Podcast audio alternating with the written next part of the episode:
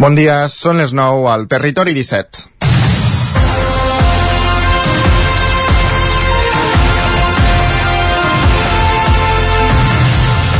A les comarques d'Osona i al Lluçanès consten nou bombers del Parc de Barcelona que van morir o desaparèixer durant la Guerra Civil després de ser mobilitzats cap al front. Un al Pens, dos a Gurb i sis a Prats del Lluçanès. Es parla poc de la seva feina en aquest període i és que segons l'historiador i bomber Marc Ferrer van ser un dels actors principals de la rereguarda, ja que van haver d'exposar les seves vides en tasques difícils, fins i tot quan continuaven caient bombes.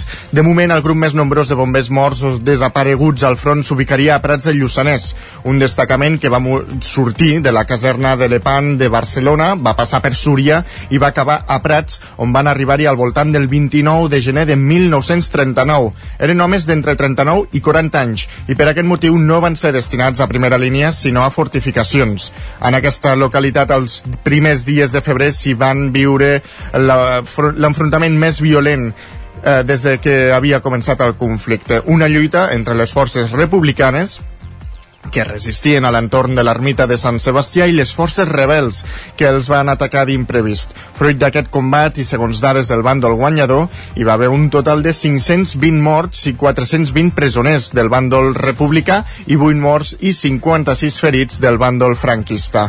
Dels primers sembla que no tots van morir en la batalla, sinó que part van ser afusellats, unes baixes que no es van registrar en lloc van ser enterrats en fosses comunes obertes pels mateixos veïns del poble sense cap tipus de senyalització que en permetés una posterior localització. I avui al Territori 17 el volíem començar així, destacant la importància de la memòria democràtica. I és que aquesta història no l'haguéssim pogut explicar sense les investigacions de l'historiador Marc Ferrer Murillo.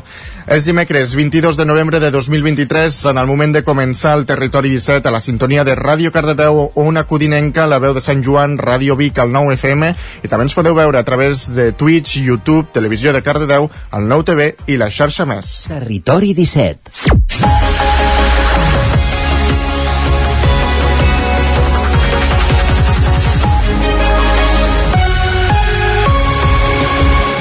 Dos minuts i mig que passen de les 9 del matí en el moment de començar el Territori 17, el magazín de les comarques del Vallès Oriental, l'Osona, el Ripollès, el Moianès i el Lluçanès, que us fa companyia cada matí dues hores des d'ara fins al punt de les 11. Amb quins continguts? Doncs uns, us els avancem ara uh, ràpidament. En aquesta primera mitja hora abordarem les notícies més destacades de les nostres comarques en connexió amb les emissores que cada dia fan possible aquest programa. També farem un cop d'ull al cel amb en Pep Acosta, el nostre home del temps, des d'Ona Codinenca per avançar-nos la previsió meteorològica i acte seguit anirem fins al quiosc per repassar les portades dels diaris d'avui. A partir de dos quarts de deu pujarem al tren d'Alba amb l'Isaac Montada recollint la crònica dels oferts usuaris de la línia R3 i a l'entrevista avui anirem fins a Cardedeu, a peu de carrer, perquè el poble s'ha organitzat per penjar pancartes, recollir signatures i donar a conèixer la situació per la que està passant al CAP, on no tenen professionals per dur a terme les tasques diàries. Allà hi tindrem tindrem l'Enric Rubios, eh, Rubio per acostar-nos l'última hora. I tot seguit tornarem a marxar de l'estudi, en aquest cas serà l'Isaac Muntades, que es desplaçarà fins al Consell Comarcal del Ripollès per parlar sobre el segon concurs de comerços lingüísticament exemplars d'aquesta comarca una iniciativa a mans d'Òmnium Cultural. I un cop arribem a les 10 repassarem més notícies destacades a les nostres comarques, al temps, i serà el torn dels solidaris de Laura Serrat des de Ràdio Vic, que avui parlarà amb Núria Toneu. A dos quarts d'onze serà el torn d'en Guillem Sánchez, que ens portarà algunes piulades de Twitter i les comentarem una mica, i tot seguit donarem pas al podcast de llengua del territori 17, Paraula d'Enfruns. És una conversa que van tenir precisament la Cristina Enfruns i l'Isaac Moreno sobre gastronomia. I acabarem el programa amb el Lletra Ferits, amb algunes recomanacions literàries. Aquest és el menú del Territori 17 d'avui, dimecres 22 de novembre de 2023, i comencem a servir-lo ara mateix amb les notícies més destacades de les nostres comarques, les notícies del Territori 17, les notícies del Vallès Oriental, Osona, el Ripollès, el Moianès i el Lluçanès.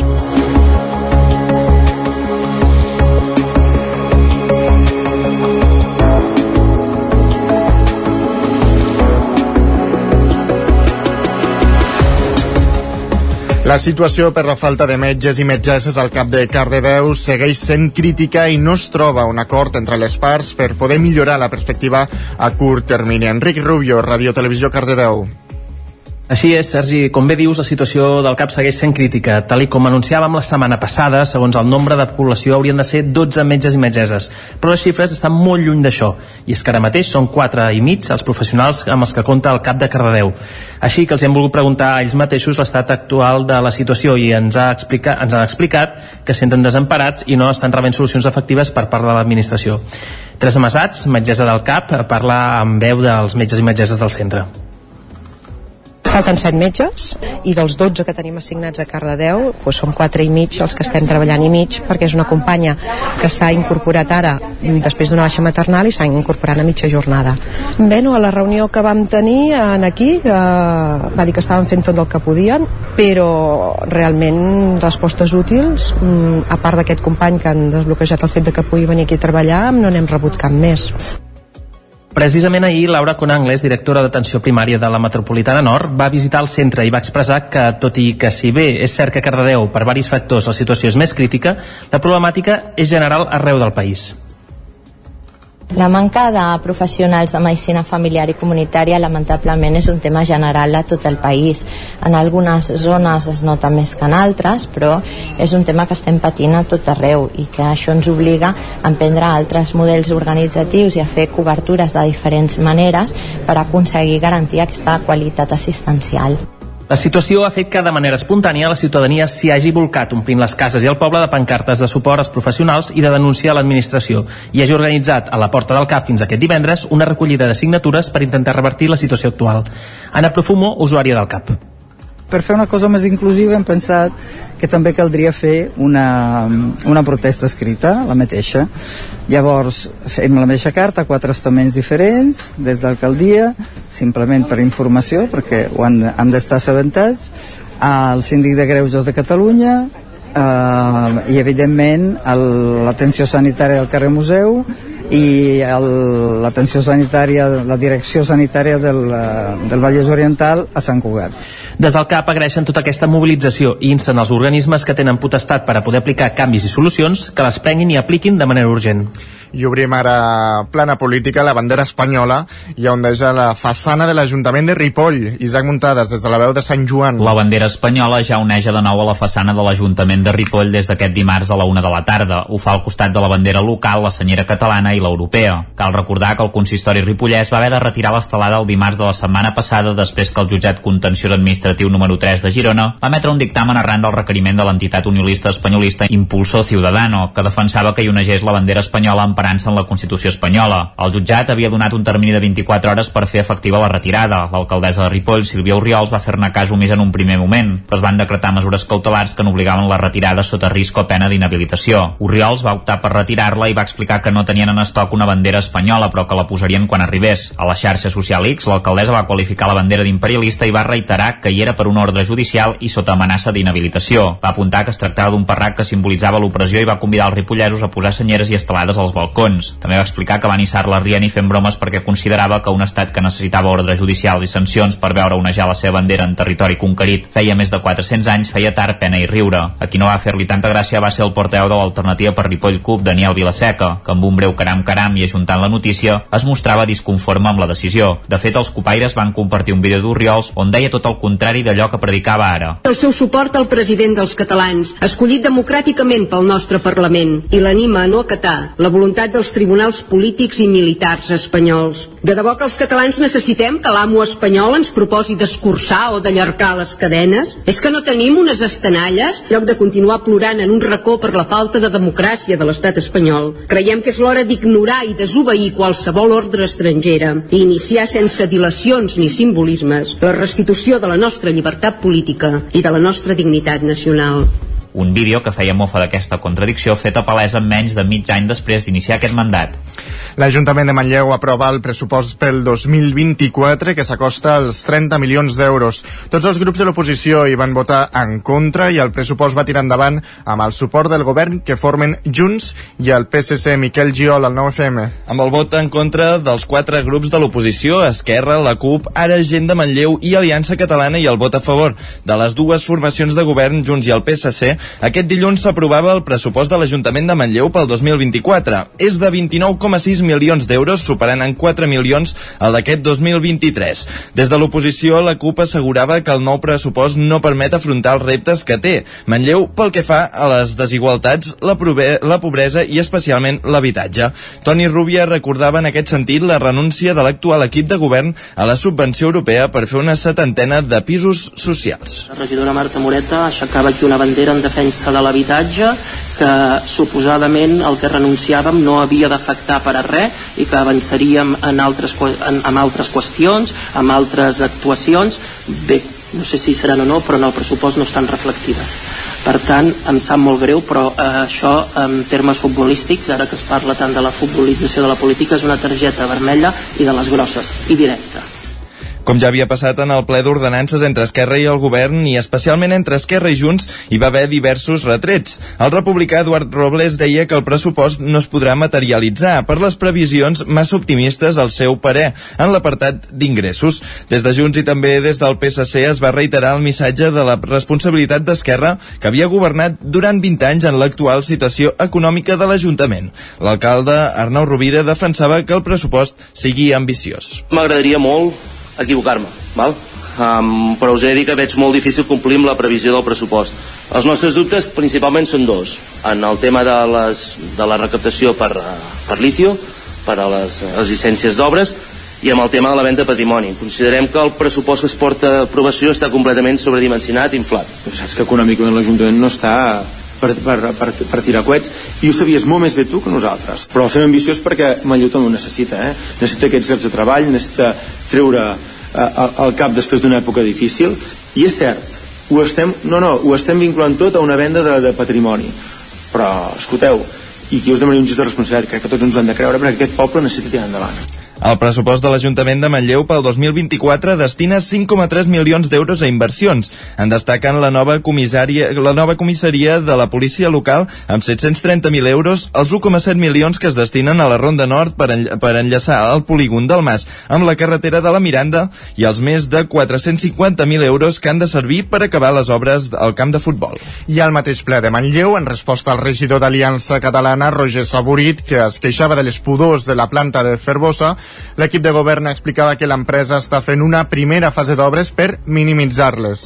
En concret, està tancant l'espai on es fa l'última fase de descomposició dels residus, una actuació que ha d'acabar el proper mes de març. Eh, amb aquest confinament es preveu que les pudors es puguin reduir en un 30%. Després hi ha dibuixada una obra similar a la zona on es tracten inicialment els residus. El regidor de Medi Ambient, Andreu Garcia, detallava el que s'hi està fent actualment.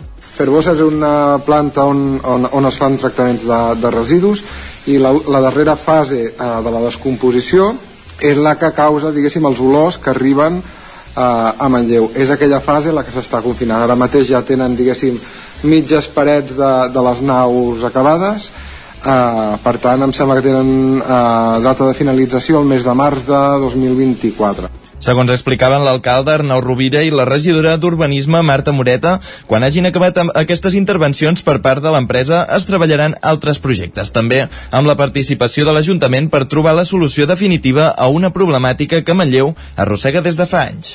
En el marc de les activitats del 25N, Dia Internacional contra les Violències Masclistes, Vigues i Riells del FAI ha publicat un decàleg enfocat a generar espais segurs als equipaments públics, sobretot per a les dones.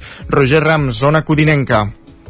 Exacte, bon dia. Entre els 10 punts que incorpora aquest document s'hi troben aspectes com ara respectar la diversitat sexual de totes les persones, la llibertat de les dones a l'hora de vestir-se o com actuar en cas de presenciar una agressió sexual o assetjament en aquestes instal·lacions.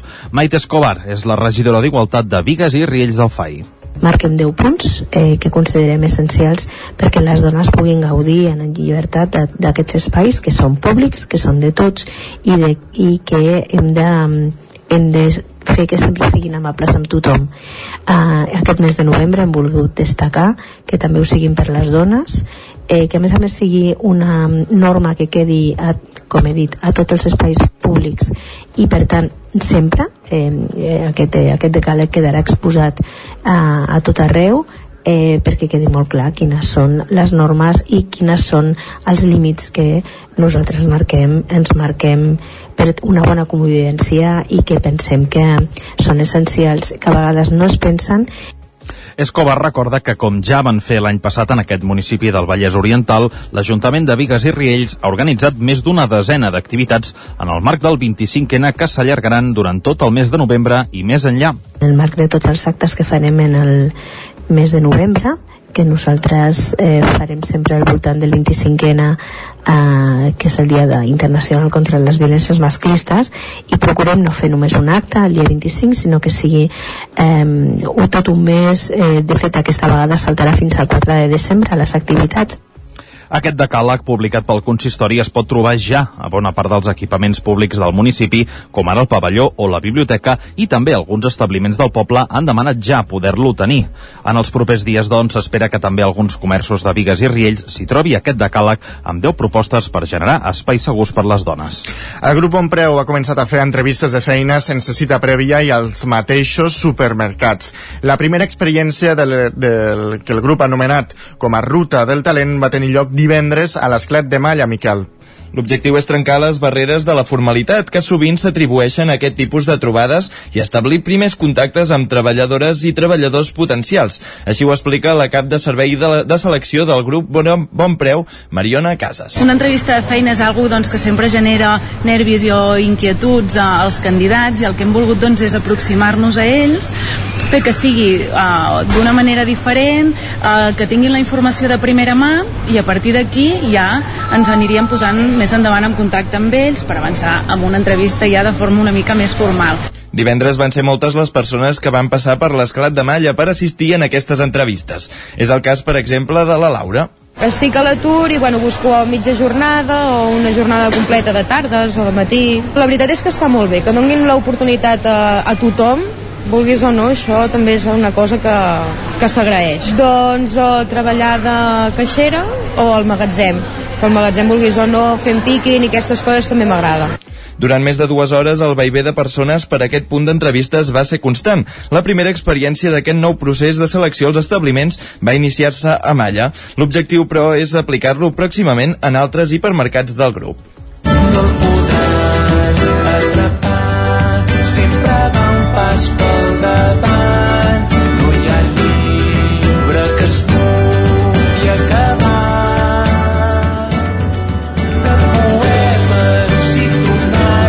Així sona l'operot Roca Guinarda, la nova cançó de Ferran Oriols, dedicada al bandoler Perot Roca Guinarda, un personatge històric del Lluçanès. El tema és el resultat de l'encàrrec que l'Ajuntament d'Oristà va fer al cantautor per reivindicar la figura d'en Roca Guinarda. La cançó es va publicar ahir a les plataformes digitals i de moment no està previst que s'editi en format físic. Mentre, esta, mentre Nyandú, la formació que ha liderat durant més d'una dècada, continua en aturada indefinida, Ferran Oriols treballa en el que serà el seu segon disc en solitari. Aquest 2023 ha publicat el primer titulat Plata, amb una rebuda que està, del que està satisfet. Per treure el segon no té pressa, tot i que sí que és probable que l'àlbum hagi vist la llum de cara a la primavera o l'estiu de l'any vinent. Doncs acabem aquí aquest repàs informatiu que hem començat al punt de les 9. Ara anem a saber com està el temps.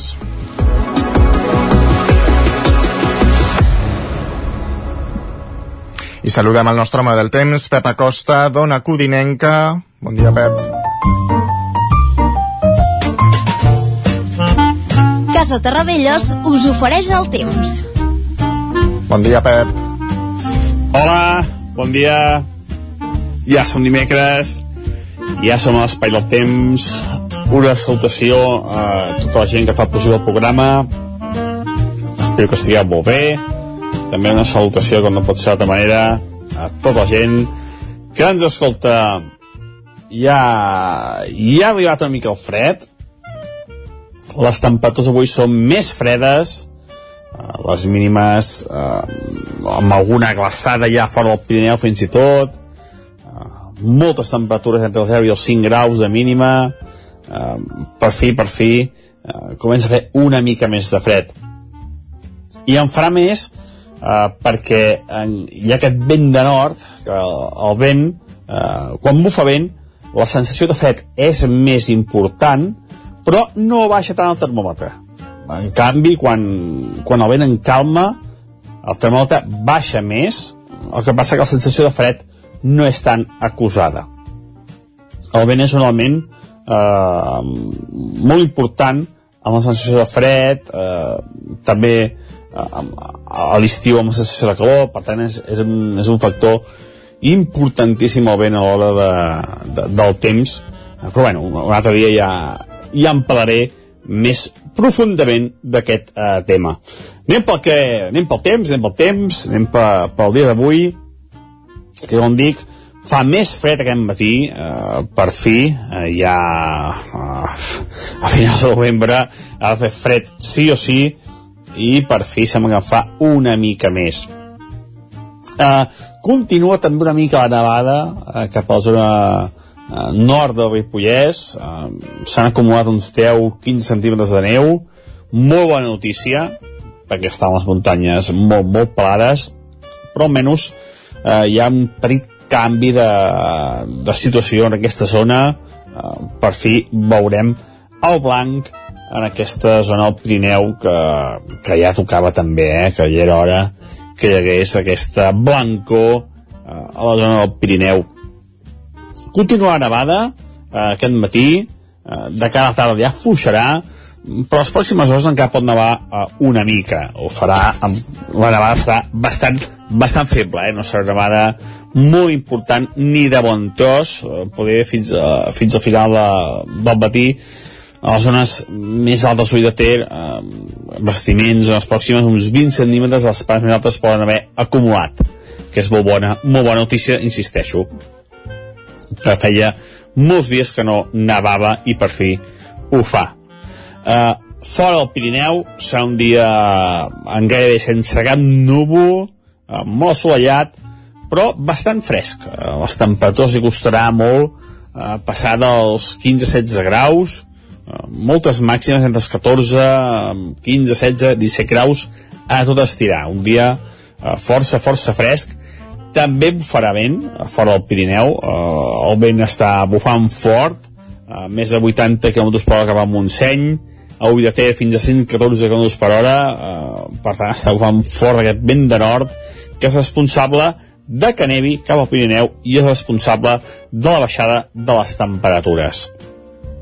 Uh, uh, com deia, uh, fora del Pirineu, molt serè, gairebé cap núvol, i aquesta serà la tònica de tot el dia d'avui. La pròxima nit encara serà més freda, el vent encalmarà una mica i per tant les temperatures poden baixar encara més englaçades per fi fora de la zona del Pirineu. I eh, no en queda res més per dir, només que disfruteu del dia, que aviam si aquesta nevada del Pirineu és més important de la que s'espera i a veure si veu una puja general però que deus dir que de moment no es veu per enlloc aquesta possibilitat de puja general a les dues comarques. Moltes gràcies, fins demà. Adeu. Gràcies a tu, fins després, Pep. Casa Tarradellas us ha ofert aquest espai. I el que fem ara al Territori 17 és anar cap al quiosc.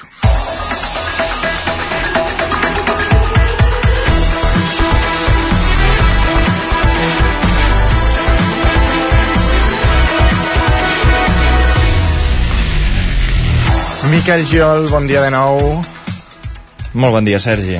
Doncs vinga, va, anem a repassar una mica les portades d'avui, que ens deixen avui als diaris. Comencem pel punt avui, no? Sí, correcte. I doncs tots temem les últimes notícies de la situació de sequera. Doncs el punt avui obre a la portada dient tancant l'aixeta. Un centenar de municipis del sistema Ter Llobregat hauran de reduir el consum d'aigua eh, i afectades per les poblacions metropolitanes de la Costa Brava, el Berguedà, el Solsonès i el Bages. Per altra banda, també diu que el govern activa la preemergència que obliga a grans ciutats en rec, piscines i neteja. També s'hi hem de destacar, també obre en, part política dient pas a l'amnistia entre edats. El Congrés tramita la llei, eh, el PP apunta al lletrat i García Castellón apela al Suprem. Doncs mira, el periòdico diu que l'aigua a l'àrea de Barcelona pujarà un màxim de 3 euros al mes al 2024. Diuen que l'àrea metropolitana preveu aprovar dimarts que ve el nou preu que s'aplicarà a 22 ciutats metropolitanes a partir del març. Diuen que l'increment de la factura incorpora la pujada de l'ATL i contempla tarifes socials. Per altra banda, si passem a la Vanguardia, obren dient que Netanyahu pressiona uh, per un pacte amb Hamas uh, per alliberar hostatges. L'acord aturaria les accions militars uns quants dies, que ja se sap que són quatre dies. En principi hi ha quatre dies de treva armada, però tot i així uh, diu que la guerra no s'atura aquí, que la guerra continua i que arribaran al seu objectiu. Per altra banda, destaca que el Barça estudia fórmules per cobrir la llarga baixa de Gavi. I de fet el país, ara obrim a plana les uh, portades espanyoles, diuen que Israel i Hamas estan a prop d'una, mm, com dèiem, eh, treua per uh, alliberar els hostatges. Diuen que el principal acord preveu uh, un, un inter intercanvi, ja ho diré bé, amb 50 segrestats israelians uh, per 150 presos palestins. Si passem a l'ABC, obren dient que el Suprem tomba el ditàs, sí, no sé com es tradueix això de castellà, de dazo, sí, diguem, direm de dazo, sí. del fiscal general en l'ascens de Dolors de Delgado, de Dolores Delgado, eh, els noms es tradueixen. Qualifica l'actuació de García Ortiz de desviació de poder visible i innegable i anula la seva decisió de promoure a la seva predecessora i amiga a la màxima categoria. I el Mundo diu que el Suprem deplora la submissió al govern del fiscal general diuen que 18 fiscals del penal de l'alt tribunal lamenten eh, la seva falta de voluntat per deficiències eh, front al laufer. I acabem amb la razón, ¿no? Sí, la razón obre dient que los reyes con la razón. Don Felipe i doña Letícia eh, van presidir el multitudinari acte d'ahir de commemoració dels 25 anys d'aquest diari. Imagina't, eh? 20... Sí, molt adorat. Però d'aquest acte jo el que em quedo és una foto dels Reis amb la, amb la Belén Esteban que, que ha corregut per les xarxes. Aquí al 9-9 n'hem fet 45 i no han vingut els Reis, eh? També no, deixa'm dir-t'ho. Tampoc, que no, tampoc fa falta que vinguin. uh, gràcies, Miquel. Nosaltres uh, fem una petita pausa de 3 minuts i tornem amb el tren d'Alba, l'entrevista i la connexió. Serà d'aquí 3 minuts. Fins ara. El nou FM, la ràdio de casa, al 92.8. Amb Pradell estalvio energia i cuido la meva butxaca i el medi ambient. Posa't en mans de Pradell. Són experts en calderes de gas de condensació, estufes de pèl·let, energia solar, terres radiants i aerotèrmia. Pradell instal·la aires condicionats amb bombes de calor per a particulars i empreses. Si vols estalviar un 50% en consum, contacta amb Pradell i passa't a les energies renovables. Pradell. Som a l'Avinguda dels Països Catalans 27 de Vic. Telèfon 93 885 1197. Pradell.cat per moure't, lloga un cotxe ALR. Per moure la família, lloga un minibús ALR. Per moure coses, lloga una furgoneta ALR. Per moure la casa, lloga un camió ALR. Lloguer de cotxes, furgonetes i camions ALR. Ens trobaràs al carrer Francesc Sant Climent 83 de Vic i també a Olot i Manresa. Informa't en el 93 888 60 57 o bé consulta el web alr.cat. Cinquena edició de la Fira del Fredeluc i la Botifarra. Aquest diumenge 26 de novembre vine a Santa Eulàlia de Riuprimer per passejar-te entre les parades de productes artesanals i de proximitat amb demostracions, jocs tradicionals i música en directe. Esmorzar de bon matí amb pa de bolets i botifarra i xocolata desfeta de l'Angelina. En Jordi Baucells i en Pere Vila parlaran de bolets, cultura, oci i negoci i al migdia tas de productes elaborats amb botifarra i bolets. Diumenge 26 de novembre, Fira del Fredeluc i la Botifarra. Més informació a santaeulàliariuprimer.cat.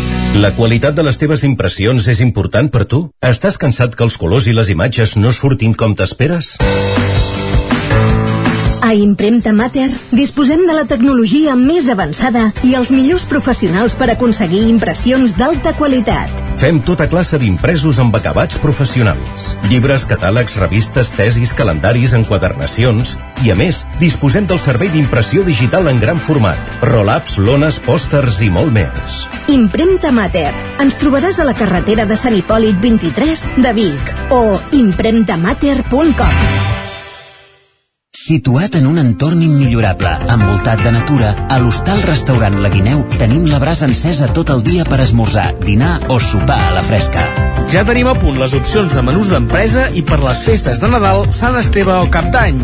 Estem especialitzats en opcions vegetarianes. Hostal La Guineu. Ens trobareu a l'urbanització Les Guilleries de Viladrau. Obrim tots els dies. Cada dimarts a les 11 de la nit, al 9 FM, repàs de l'actualitat esportiva a la banqueta. El 9 FM, el 9 FM, el 9 FM, el 9 FM, el 9 FM.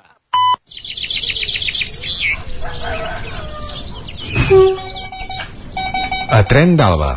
Cada dia els usuaris i usuàries de la línia R3 de Rodalies que veuen sortir el sol des d'un vagó ens expliquen les gràcies i les penes del primer comboi que uneix Ripoll i Barcelona o les feixugues jornades amb el tren després de treballar. Benvinguts a Tren d'Alba. La notícia del dia és que Renfe invertirà més de 100 milions d'euros en renovar els sistemes d'informació a les estacions de Rodalies de Catalunya. Els nous sistemes d'informació inclouran elements de megafonia i interfonia, teleindicadors i monitors. El col·lectiu perquè no ens fotin el tren va indignar-se molt i es va sorprendre de no veure la llista a l'estació de Balanyà Tona Ceba, de la qual han denunciat reiteradament la inexistència de teleindicadors a les andanes per saber la via per on passa cada tren sense haver de fer corredisses. Algun dia hi haurà algun accident. Demà us explicaré alguna cosa més sobre aquests sistemes d'informació. Ens retrobem demà amb més històries del tren i de la R3. Passa un minut de dos quarts de deu.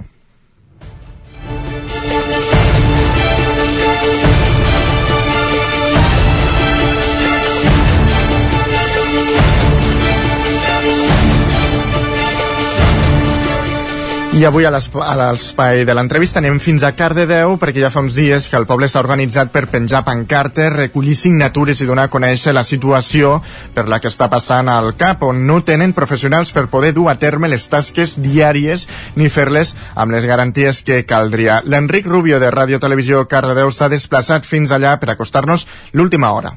Fa poc més d'una setmana, els metges i metgesses del CAP de Cardedeu van fer un comunicat on alertaven que estaven en una situació crítica. Pel volum de la població de Cardedeu haurien de ser 12 professionals i ara mateix n'hi ha 4 i mig. Això fa que no es pugui donar el servei que s'hauria d'oferir ni amb les condicions en què s'hauria de fer. Fa poc d'aquest comunicat la població s'hi ha volcat i ha omplert el poble de pancartes. Sense anar més lluny, ara mateix estem a la recollida de signatures que hi ha organitzada fins aquest divendres davant del CAP. Estem amb la Teresa Masat. Bon dia, Teresa. Primer de tot, moltes gràcies per atendre's en un dia tan convulsos com aquests. Hola, bon dia. Mira, jo voldria dir una cosa, i és a dir que no vaig a títol personal, sinó que vaig en representació de tots els companys metges del, del CAP, eh? Entenc que es, es fa una pinya absoluta amb això des de, des de dins. Uh, com com s'ha arribat fins a aquesta situació? Quan fa que dura? Uh, bé, no, dura des de fa temps, hi ha, hi ha mancances en, en qüestió de metges des de baixes llargues que fa més de dos anys, altres que fa un any, altres que fa bastants mesos, i això al final ha desenvolupat amb una manca de, de set metges. Des que vau fer el comunicat eh, que la gent s'ha volcat en penjar pancartes, avisar coneguts perquè vinguin a signar. Eh, realment la volcació de la població podríem dir que ha estat molt, molt contundent. Quan i per què vau decidir fer partícip eh, precisament a, a totes les vilatanes? Bueno, de fet, els vilatans s'han fet partícips ells mateixos. Eh? és a dir, nosaltres el que veiem és que una població molt enrabiada amb nosaltres eh, i que i que rebien doncs, moltes queixes i que eh, es va demanar a través de l'Ajuntament una reunió amb CatSalut i amb l'ICS i aquesta reunió no, no va ser fructífera, és a dir, no hi van haver eh, respostes útils ni aportacions útils. Per tant, arran d'aquí vam decidir que, que, bueno, que si ningú explicava a la població el que passava, que des del CAP mm, explicaria com ens trobàvem i què passava. I vam fer una carta i més que res perquè es dirigissin les queixes, si la gent en tenia, a, a, a gent que podia solucionar el problema i això va fer que, que s'estengués com una taca d'oli i que, i que la gent s'organitzés pel seu compte nosaltres no, o sigui, la carta va ser el detonant però eh, la veritat és que no hem perseguit a ningú de la població perquè fes cap acció i s'han organitzat moltes no? Quin full de ruta teniu? És a dir, quins són els propers passos a seguir per intentar desbloquejar o capgirar aquesta situació? Bé, eh, desbloquejar aquesta situació, evidentment que siguem suficients metges, jo no dic que siguem el 7, perquè potser això és difícil, però sí suficients metges per donar una atenció més correcta del que fem ara. Val? Això et desbloquejaria, evidentment, pues, pues això, retiraríem pancartes, pues, enviaríem un comunicat, etc. No? Però eh, fins que això no es produeixi, pues, de moment mantindrem les pancartes, si és que no ens les treuen. vale? Oh, tant. Uh, com us està afectant uh, tot el teu context actual, més enllà de professionalment? Entenc que esteu treballant sota molta pressió i, i no és qüestió de dos dies, sinó que ve de llarg ja, i que us deu estar afectant també a nivell personal. Home, a nivell personal afecta perquè no és el mateix treballar en unes condicions um, estàndard, no? Que treballar doncs, havent de donar explicacions cada dia que, a veure, nosaltres tenim programats quan fem eh, visita a l'agenda cada 12 minuts tenim programats una visita presencial. Això va entre que, o sigui, una i cap de 12 minuts l'altra. Això inclou la gent que entra, la gent que s'ha de desvestir la que, el que li preguntes, etc. Que temps de qualitat serien uns 5 minuts com a molt estirar o poc més en aquest cas, clar, perquè entre entrar i sortir clar, depèn de lo ràpid, depèn de que els hagis d'explorar o no, depèn de que sigui una persona gran o jove, depèn de que, de que sigui doncs, una, un motiu de consulta curt o molt llarg bueno, s'ha estimat que estàndard són 12 minuts, mm, si és telefònica és menys i si és per temes burocràtics molt menys. No? Les visites telefòniques em sembla que estan a 5-6 minuts, Clar, moltes vegades 5-6 minuts és impossible, no? A vegades sí, i a vegades menys. No? Per tant, un estàndard que més o menys és... Doncs clar, d'aquests minuts que tenim a la visita presencial quan es presenta la persona, pues, els primers minuts són de queixa, no? Si jo no, miri, jo no sóc el seu metge, no hi és, l'atendré jo, jo no sé, el meu metge ni el conec, no? He vingut i m'ha atès, eh, no sé, he vingut cinc o sis vegades, cada vegada m'ha atès una persona diferent. Eh, bueno, vostè serà el meu metge a partir d'ara? No, no, ho sento, miri, jo aviat em jubilaré, tampoc seré el seu metge, no? Ens cau la cara de vergonya, i bueno, i a més a més crea un sobreesforç que a la llarga es va acumulant amb, amb, amb estrès, amb tensió, val? una mica és això són fort que més pot desembocar amb, amb, amb possibles altres baixes i que encara empitjori més doncs, tota aquesta uh, situació actual. No? Què demaneu? Tenir en compte que les institucions que haurien d'actuar no estan actuant o ara mateix tenen això congelat i veient que les veïnes i veïns de Cardedeu s'han blocat d'aquesta manera, què demanaríeu a, als viatans? Com es pot ajudar des de fora? És a dir, els hi faríeu algun prec o veient aquesta mobilització? Uh, jo penso que la ciutadania és molt conscient del problema, uh, uh, realment ha muntat una plataforma, jo crec eh, crec que m'han comentat que un dia d'aquests es reuniran i miraran què i volen debatir més que tot això, no? per tant, a veure, la ciutadania és prou jo estic a dins de ciutadania també, d'aquí dos dies estaré jubilada i estaré com a usuari del CAP perquè visc aquí a Cardedeu, no? Per tant, jo penso que tothom sap molt bé qui, què vol, no? També és veritat que el model que tenim de salut està ha, claudicat, val? i per tant, però això no Cardedeu, això és a nivell general, i els nostres polítics, els nostres ciutadans i tots plegats hem de pensar en un model diferent, en un model diferent. Jo en aquests moments no tinc la solució, però penso que s'ha de debatre molt i s'ha de veure amb els recursos que tenim i els que podem obtenir com podem fer el millor possible. Hi han, hi han maneres, segur, no? Hi ha moltes motos privades, jo em pregunto si realment són necessàries o, o això vol dir que hi ha els interessos d'algú, això obeeix a la gent que té recursos econòmics, a mi això em rebenta molt, perquè jo sempre he bogat per una sanitat pública de qualitat, que tothom tingui les mateixes oportunitats, però bueno, hi ha moltes coses a fer, però en aquests moments jo, en aquests moments jo no tinc la solució tant de bo. Vostè ha voluntat política segurament i que agafin el toro per les banyes, no? Uh, ja per anar acabant, uh, voldries fer alguna, alguna punt més? Jo penso que la punt és donar gràcies a la ciutadania. Hem passat de, de, de les queixes a nosaltres i de les enrabiades contra nosaltres a dir què podem fer, com podem... Uh, I per tant s'ha organitzat tot això. Per tant, per a moltes gràcies, ens sentim recolzats i això conforta. Doncs Teresa, moltíssimes gràcies, uh, molta sort i esperem que això es pugui capgirar properament. Això esperem. Moltes gràcies a tots. Ja que estem per aquí davant del cap, ens acostarem un momentet cap a la recollida de signatures i per aquí tenim a l'Anna Profumo, una usuària i part de les persones que està col·laborant i ajudant doncs, a fer aquesta recollida. A veure, acostem-nos cap allà. Anna, bon dia. Com ha anat uh, aquest tema de la recollida de les signatures? Com s'ha organitzat? Mira, eh, la idea ha sorgit d'una persona que a Telegram ha proposat una, una carta, que és la mateixa que estem utilitzant nosaltres, i eh, per Telegram eh, hi ha hagut una gran recollida de, de signatures, diguem, telemàtiques que hem pensat que molta gent de certa edat, sobretot els més grans, no faran mai, perquè no el tenen, no l'usen, jo he treballat 20 anys amb gent gran i llàstimosament el tema és així. Llavors els excloïm. I per fer una cosa més inclusiva hem pensat que també caldria fer una, una protesta escrita, la mateixa.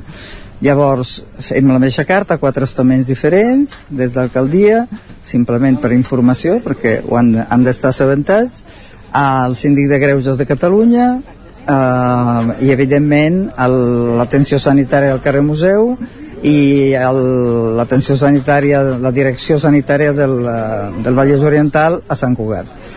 Llavors, cada grup d'aquestes cartes anirà registrat a cada estament quan acabem el divendres i bueno, estem molt contents perquè ahir només ja van ser més de 300 signatures recollides, o sigui 1.200 papers firmats, signats amb el DNI, etc que alguna gent li costa, però van venir.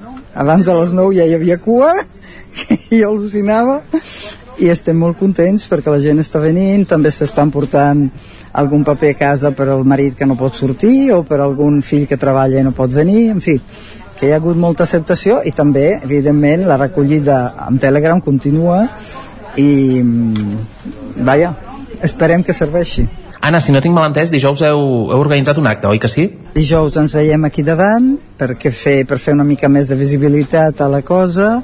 Se sortirà d'aquí a les 6 i s'anirà caminant a la Testirrassa on ens han donat una sala molt ràpidament, molt agraïts i a les 6 i mitja aproximadament començarem una reunió que suposem que cap a les 8 haurà, haurà acabat serà el primer contacte perquè tenim 40.000 uh, missatges, um, informacions, propostes, etc. però la qüestió és recollir-les, posar-hi cara i ulls, ja s'ha fet una recollida de una bueno, recollida. Ja, ja vas estar el dissabte es va improvisar una pancartada diguem per penjar a les finestres. Ens en falten moltes però el poble ha recrescut molt. O sigui que proposarem segurament una altra, una altra estesa de pancartes. I a veure el que sorgeixi Anna, moltes gràcies per aquest testimoni i per uh, aquesta lluita que esteu fent a nivell veïnal. Uh, molta sort i esperem que dijous vingui molta gent i que pugueu aconseguir doncs, uh, tot el que us esteu proposant, que de moment la cosa sembla que va bé, com a mínim a nivell de mobilització. Així que res, Sergi, ja ho veus, el tema aquí que Cardedeu està calent, calent, us anirem portant tota la informació a través d'aquí dels informatius i res, esperem que es pugui solucionar ben aviat. Doncs uh, gràcies, Enric. Aquesta és l'última hora sobre la situació que s'està vivint al cap de Cardedeu i que es pugui solucionar el més aviat uh, possible.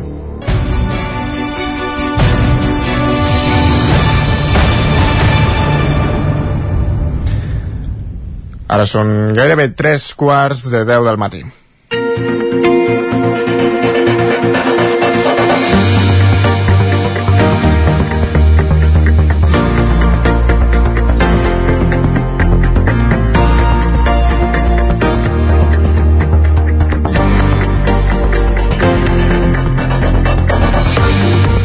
Ara qui està fora de l'estudi, qui s'ha desplaçat és l'Isaac Muntades de la veu de Sant Joan.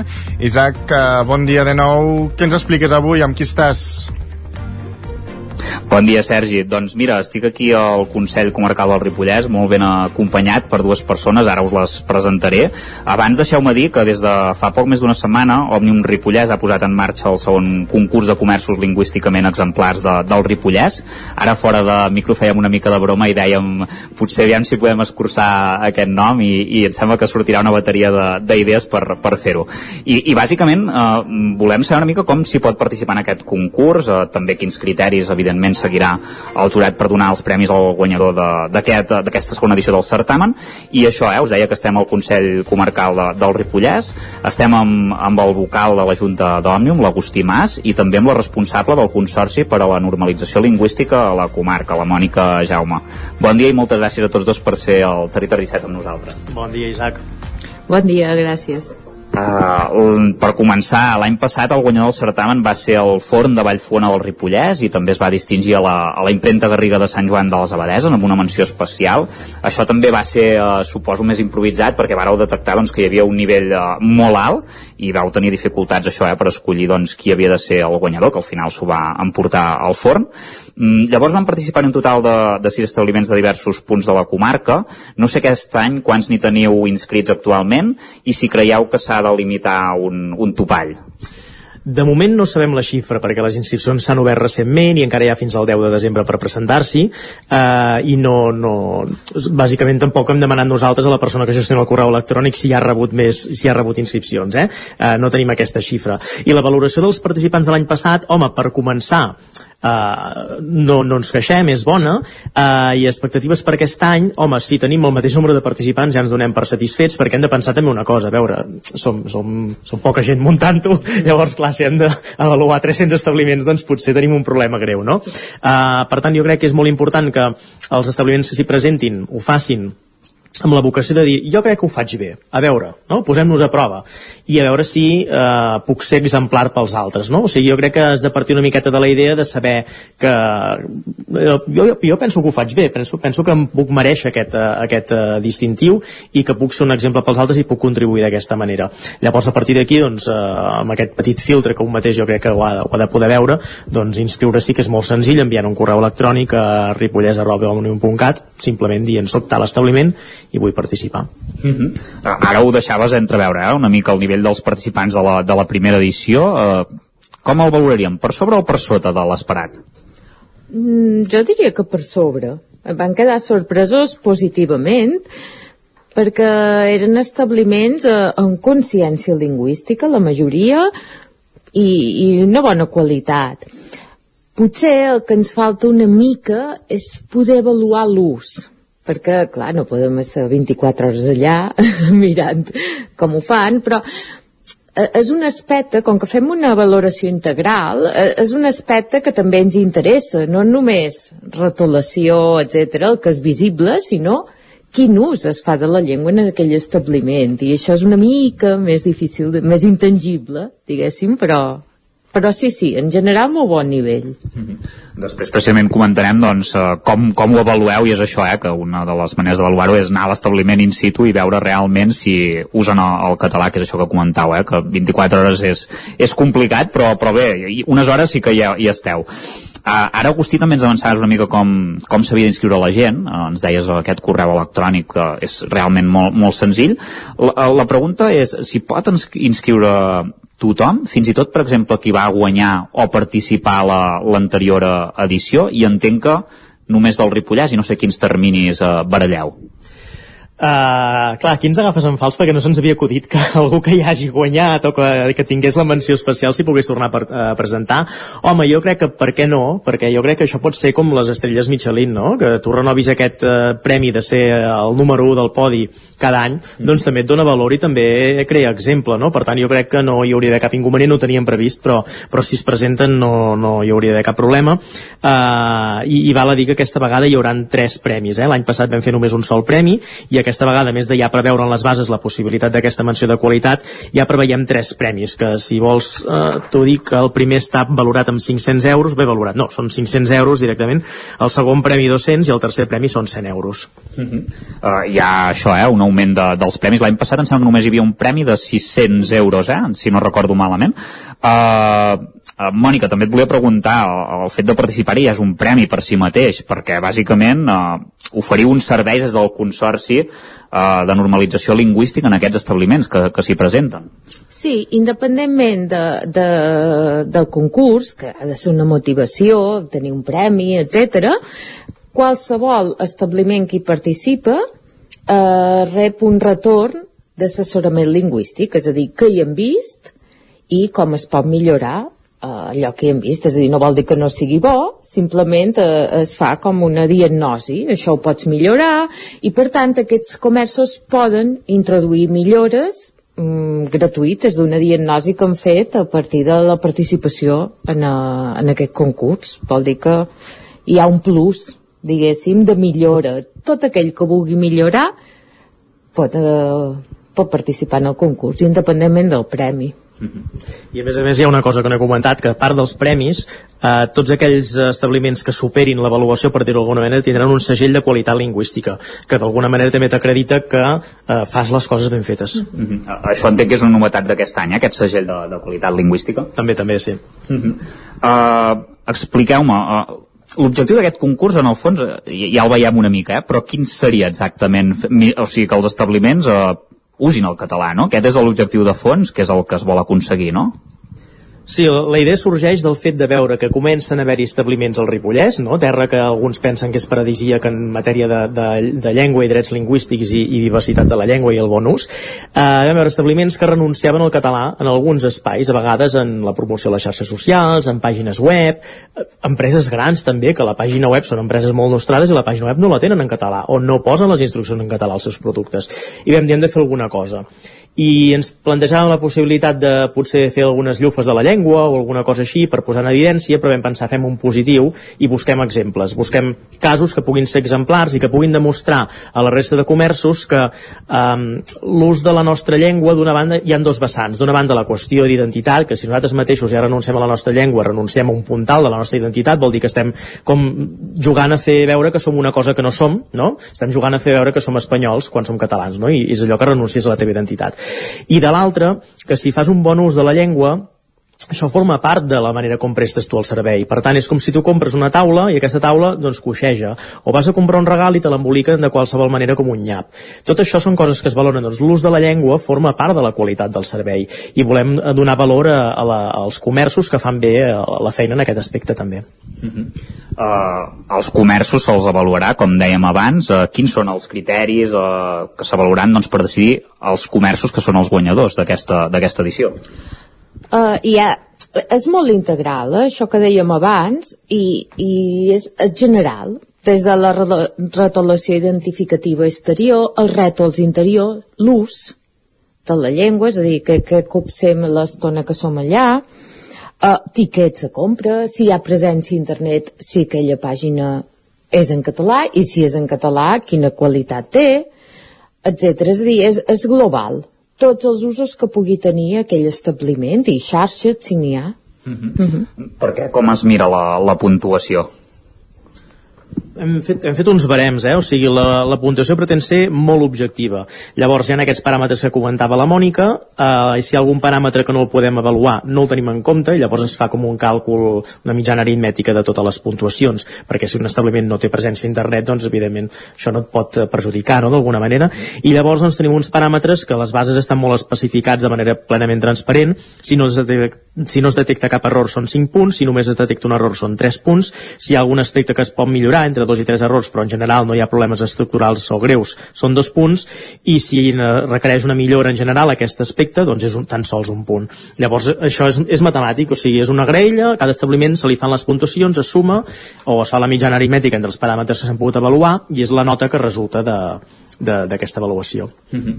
Abans comentau això, eh, que vosaltres aneu a, a l'establiment. No, entenc que no sé si és de, uh, per sorpresa, vosaltres aviseu una mica a l'establiment abans, no, eh? És per sorpresa. Expliqueu una mica això, perquè l'any passat com va anar això? Uh, no sé si els veu visitar diverses vegades. No, vam fer, vam, vam fer una visita a cada establiment i nosaltres ens reservem la possibilitat de fer el, el mètode de client misteriós, que es diu, no? Això és una opció que ens reservem, però l'any passat no la vam fer servir directament, ja ens presentàvem, mira, venim del jurat, el concurs on us heu inscrit, tal, no sé què, llavors aprofitàvem per fer alguna pregunta, a vegades, de dubtes que tinguéssim, però sobretot el que fèiem era voltar, voltar per l'establiment, mirar, prendre nota i, i escoltar en cas que hi hagués l'atenció eh, en algun client. No sé si hi ha previst fer algun tipus de, de concurs similar, perquè en el seu moment també es, es barallava la possibilitat eh, que es pogués parlar de, dels influenciadors a, la, a les xarxes socials, que no sé com, com va quedar o... Sí, vam preparar des d'Òmnium i també amb la col·laboració del Consorci eh, aquesta proposta de concurs. El que passa que eh, aquesta idea van, van passar com dues coses. Eh, D'una banda, Òmnium Nacional treballàvem alguna idea així i també es van assabentar que nosaltres preparàvem una cosa d'aquest tipus i van dir, mira, amb això ens doneu més idees també i potser és bo que en comptes de que el faci una seu local eh, que l'organitzem en clau nacional. Llavors no sé exactament si això ha acabat tirant endavant o no, crec que hi ha alguna iniciativa al respecte que no ha acabat sent ben bé un concurs tal com l'enfocàvem nosaltres, però, però nosaltres ho hem aparcat perquè hem pensat si, jo, si Òmnium Nacional ja preveu fer algun projecte així de més envergadura, doncs que el facin ells, nosaltres d'alguna manera doncs, podem donar-hi suport des del territori. Val a dir que Òmnium Nacional, dins l'última assemblea d'Òmnium que es va fer a Lleida, van posar aquest concurs de comerços lingüísticament exemplars com una bona pràctica de referència per les altres seus. Es van destacar algun seguit d'accions de seus territorials i aquesta va ser una de les que Òmnium va destacar perquè realment va tenir molta repercussió i en clau nacional es va, es va considerar que era molt interessant en aquest àmbit, no? de, de, de, posar, de donar valor a les bones pràctiques lingüístiques al comerç. Mm -hmm. No sé si fins i tot això que comentes, eh, que Òmnium destaqués aquesta pràctica, si hi ha alguna altra territorial d'Òmnium o des d'algun lloc no, no us han comentat res de, de fer-ho, eh, entenc? No, a mi no em consta. No sé si hi ha hagut algun altre territorial que en contacte amb Nacional eh, desenvolupa alguna cosa semblant, però en tot cas que contactin amb nosaltres per, per d'alguna manera, eh, no, no voldria dir la paraula copiar, però si no implantar o traslladar aquest concurs mm -hmm. al seu territori no ens consta, però eh, jo crec que encantats de la vida, o sigui, jo crec que aquesta proposta ja va néixer amb la vocació que si a algú li agrada, escolta, li donem totes les facilitats perquè el pugui implementar perquè creiem que pot ser, pot ser d'utilitat. Mm -hmm.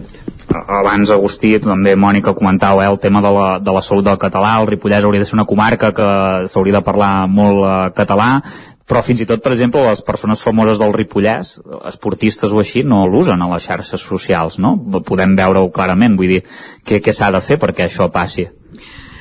Uh, té mala solució perquè és un tema que arrossegam des de fa anys i panys, és a dir, s'ha posat jo diria que, que s'han posat molts ous al mateix paner, que ha estat el de l'ensenyament, però amb això mm, no fas prou per salvar l'ús. I ara coixegem d'ús, bàsicament, i a més a més hi ha elements nous com són xarxes socials. I sempre hi ha aquella cosa de, clar, jo arribaré més gent. Oh, clar, i si ho fas en Xines, encara més milions de persones, però jo crec que s'ha de treballar molt l'ús. I l'ús, evidentment, hi té responsabilitat tothom, l'administració, etc, però hi tenim responsabilitat cada individu, cada parlant. I som eh, responsables de l'ús que fem de la llengua. Cada vegada que deixem d'usar el català, estàs abandonant la teva llengua i per dir-ho d'alguna manera li estàs fent mal, és com trepitjar un gos o un gat, diríem, oh, ens posarien les mans al cap o els animals, doncs és una mica el mateix. I clar, el fet que tots sapiguem castellà dificulta, dificulta molt la, la pervivència del català perquè fa que només sigui necessari en, en certes ocasions, que és quan jo estic segur que tothom parla català, i això és un error és un error que hem de poder capgirar i que la gent ha de veure que no és cert, que si mantenen jo puc mantenir la meva llengua, però costa. Quanta gent s'ha fet viral parlant català també? Mm. Uh, aquell de les taronges de, de Mallorca, uh, per exemple, Montoro. Miquel Montoro es va fer famós per al seu català, justament, no? I llavors, paradoxalment, comença a fer vídeos en castellà. Dius, estàs renunciant a l'essència de la teva gràcia, no? Uh, i, I llavors, a més, també s'hi barreja una altra cosa, que és que a petita escala, també, en el dia a dia, molta gent comet un error que també és allò del peix que es mossega la cua. Quanta gent, quan ha de buscar una cosa al Google, la busca en castellà? Mm -hmm.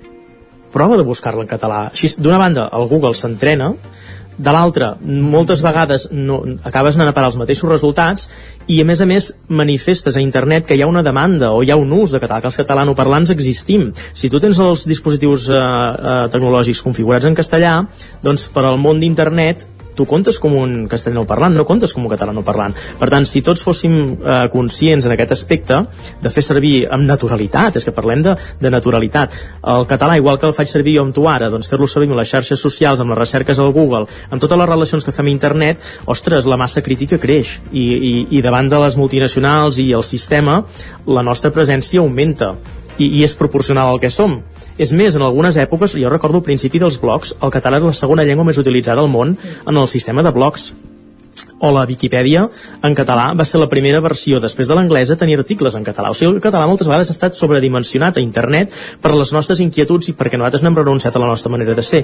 Però al moment en què aquestes coses es generalitzen, doncs molta gent renuncia al català i ens estem empetitint i estem demostrant com que fóssim menys i tinguéssim menys pes del que realment tenim. I és un peix que es mossega la cua. Mm -hmm. Doncs una manera de, de solucionar-ho, per exemple, és uh, inscriure's en aquest concurs i així d'aquesta manera doncs, podrem saber quins són els comerços lingüísticament exemplars aquí de, de la comarca del Ripollès en aquesta segona edició. Moltes gràcies a Agustí Mas, vocal de la Junta d'Òmnium Cultural aquí a la comarca del Ripollès i també a, a tu, Mònica Jaume, responsable del Consorci per a la Normalització Lingüística de, del Ripollès. Moltes gràcies per haver estat avui al Territori 17 amb nosaltres. A vosaltres, gràcies. Gràcies, bon dia. I moltes gràcies a tu també, Isaac, i també ens quedem amb aquest missatge. Eh? Hem de ser responsables amb l'ús que fem de la llengua catalana, la nostra llengua. Queda un minut per arribar a les 10 del matí. Nosaltres el que farem és escoltar aquesta cançó nova de Ferran Oriols, l'operot Roca Guinarda, ni que sigui aquest minutet que ens falta per arribar a les 10 del matí.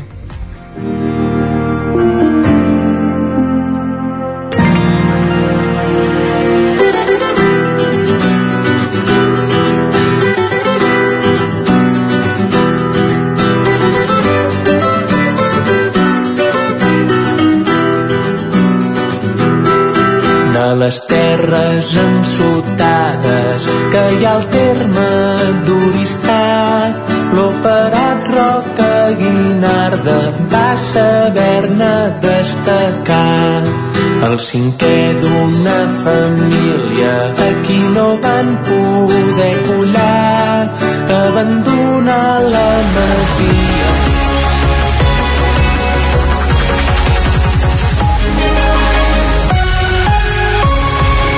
Passa gairebé un minut de les 10 del matí i ara és l'hora d'actualitzar-nos eh, amb les notícies més destacades de les nostres comarques. Eh, començarem amb Osona.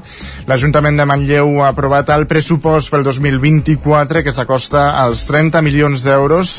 Tots els grups de l'oposició hi van votar en contra i el pressupost va tirar endavant amb el suport del govern que formen Junts i el PSC. Miquel Giol, el 9FM. Exacte, amb el vot en contra dels quatre grups de l'oposició, Esquerra, la CUP, Ara Gent de Manlleu i Aliança Catalana i el vot a favor de les dues eh, formacions de, de govern, Junts i el PSC, aquest dilluns s'aprovava el pressupost de l'Ajuntament de Manlleu pel 2024. És de 29,6 milions d'euros, superant en 4 eh, milions el d'aquest 2023. Des de l'oposició, la CUP assegurava que el nou pressupost no permet afrontar els reptes que té Manlleu pel que fa a les desigualtats, la pobresa i especialment l'habitatge.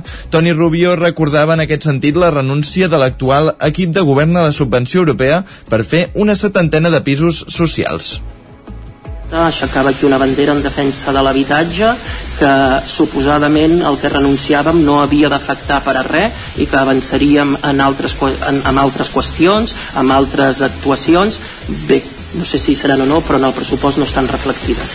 Per tant, em sap molt greu, però eh, això en termes futbolístics, ara que es parla tant de la futbolització de la política, és una targeta vermella i de les grosses, i directa. Com ja havia passat al ple d'ordenances entre Esquerra i el govern i especialment entre Esquerra i Junts, hi va haver diversos retrets. El republicà Eduard Robles deia que el pressupost no es podrà materialitzar per les pressions massa optimistes, al seu parer, en l'apartat d'ingressos. Des de Junts i també des del PSC es va reiterar el missatge de la, de la responsabilitat d'Esquerra, que havia governat durant 20 anys, en l'actual situació econòmica de l'Ajuntament. L'alcalde Arnau Rovira defensava que el pressupost sigui ambiciós. M'agradaria molt equivocar-me, val? Um, però us he de dir que veig molt difícil complir amb la previsió del pressupost. Els nostres dubtes principalment són dos. En el tema de, les, de la recaptació per, uh, per licio, per a les, les llicències d'obres, i amb el tema de la venda de patrimoni. Considerem que el pressupost que es porta a aprovació està completament sobredimensionat i inflat. Però saps que econòmicament l'Ajuntament no està per, per, per, per tirar coets. I ho sabies molt més bé tu que nosaltres. Però el fem ambiciós perquè Manlleu també ho necessita eh? necessita aquests llocs de treball necessita treure eh, el cap després d'una època difícil. I és cert ho estem, no, no, ho estem vinculant tot a una venda de, de patrimoni. Però escolteu i aquí us demanaria un gest de responsabilitat crec que tots ens ho hem de creure perquè aquest poble necessita tirar endavant El pressupost de l'Ajuntament de Manlleu pel 2024 destina 5,3 milions d'euros a inversions. En destaquen la nova comissaria de la policia local amb 730.000 euros, els 1,7 milions que es destinen a la Ronda Nord per enllaçar el polígon del Mas amb la carretera de la Miranda i els més de 450.000 euros que han de servir per acabar les obres del camp de futbol.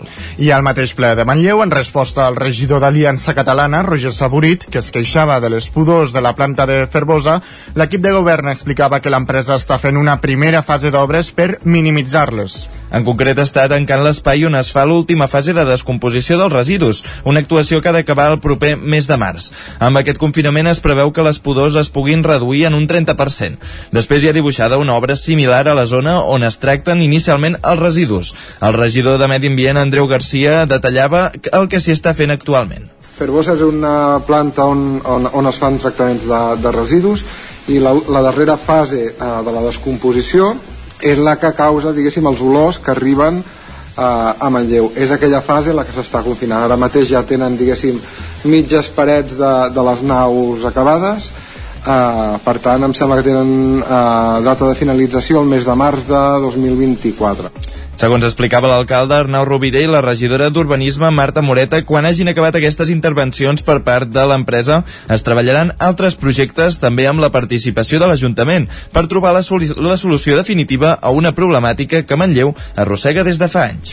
Anem ara cap a la comarca del Moianès per parlar de vi, i és que la DO Pla de Bages presenta una nova edició dels Premis Viu la Pedra Seca. El certamen vol posar en valor el patrimoni relacionat amb el món de la vinya i el vi. Roger Ram, zona codinenca.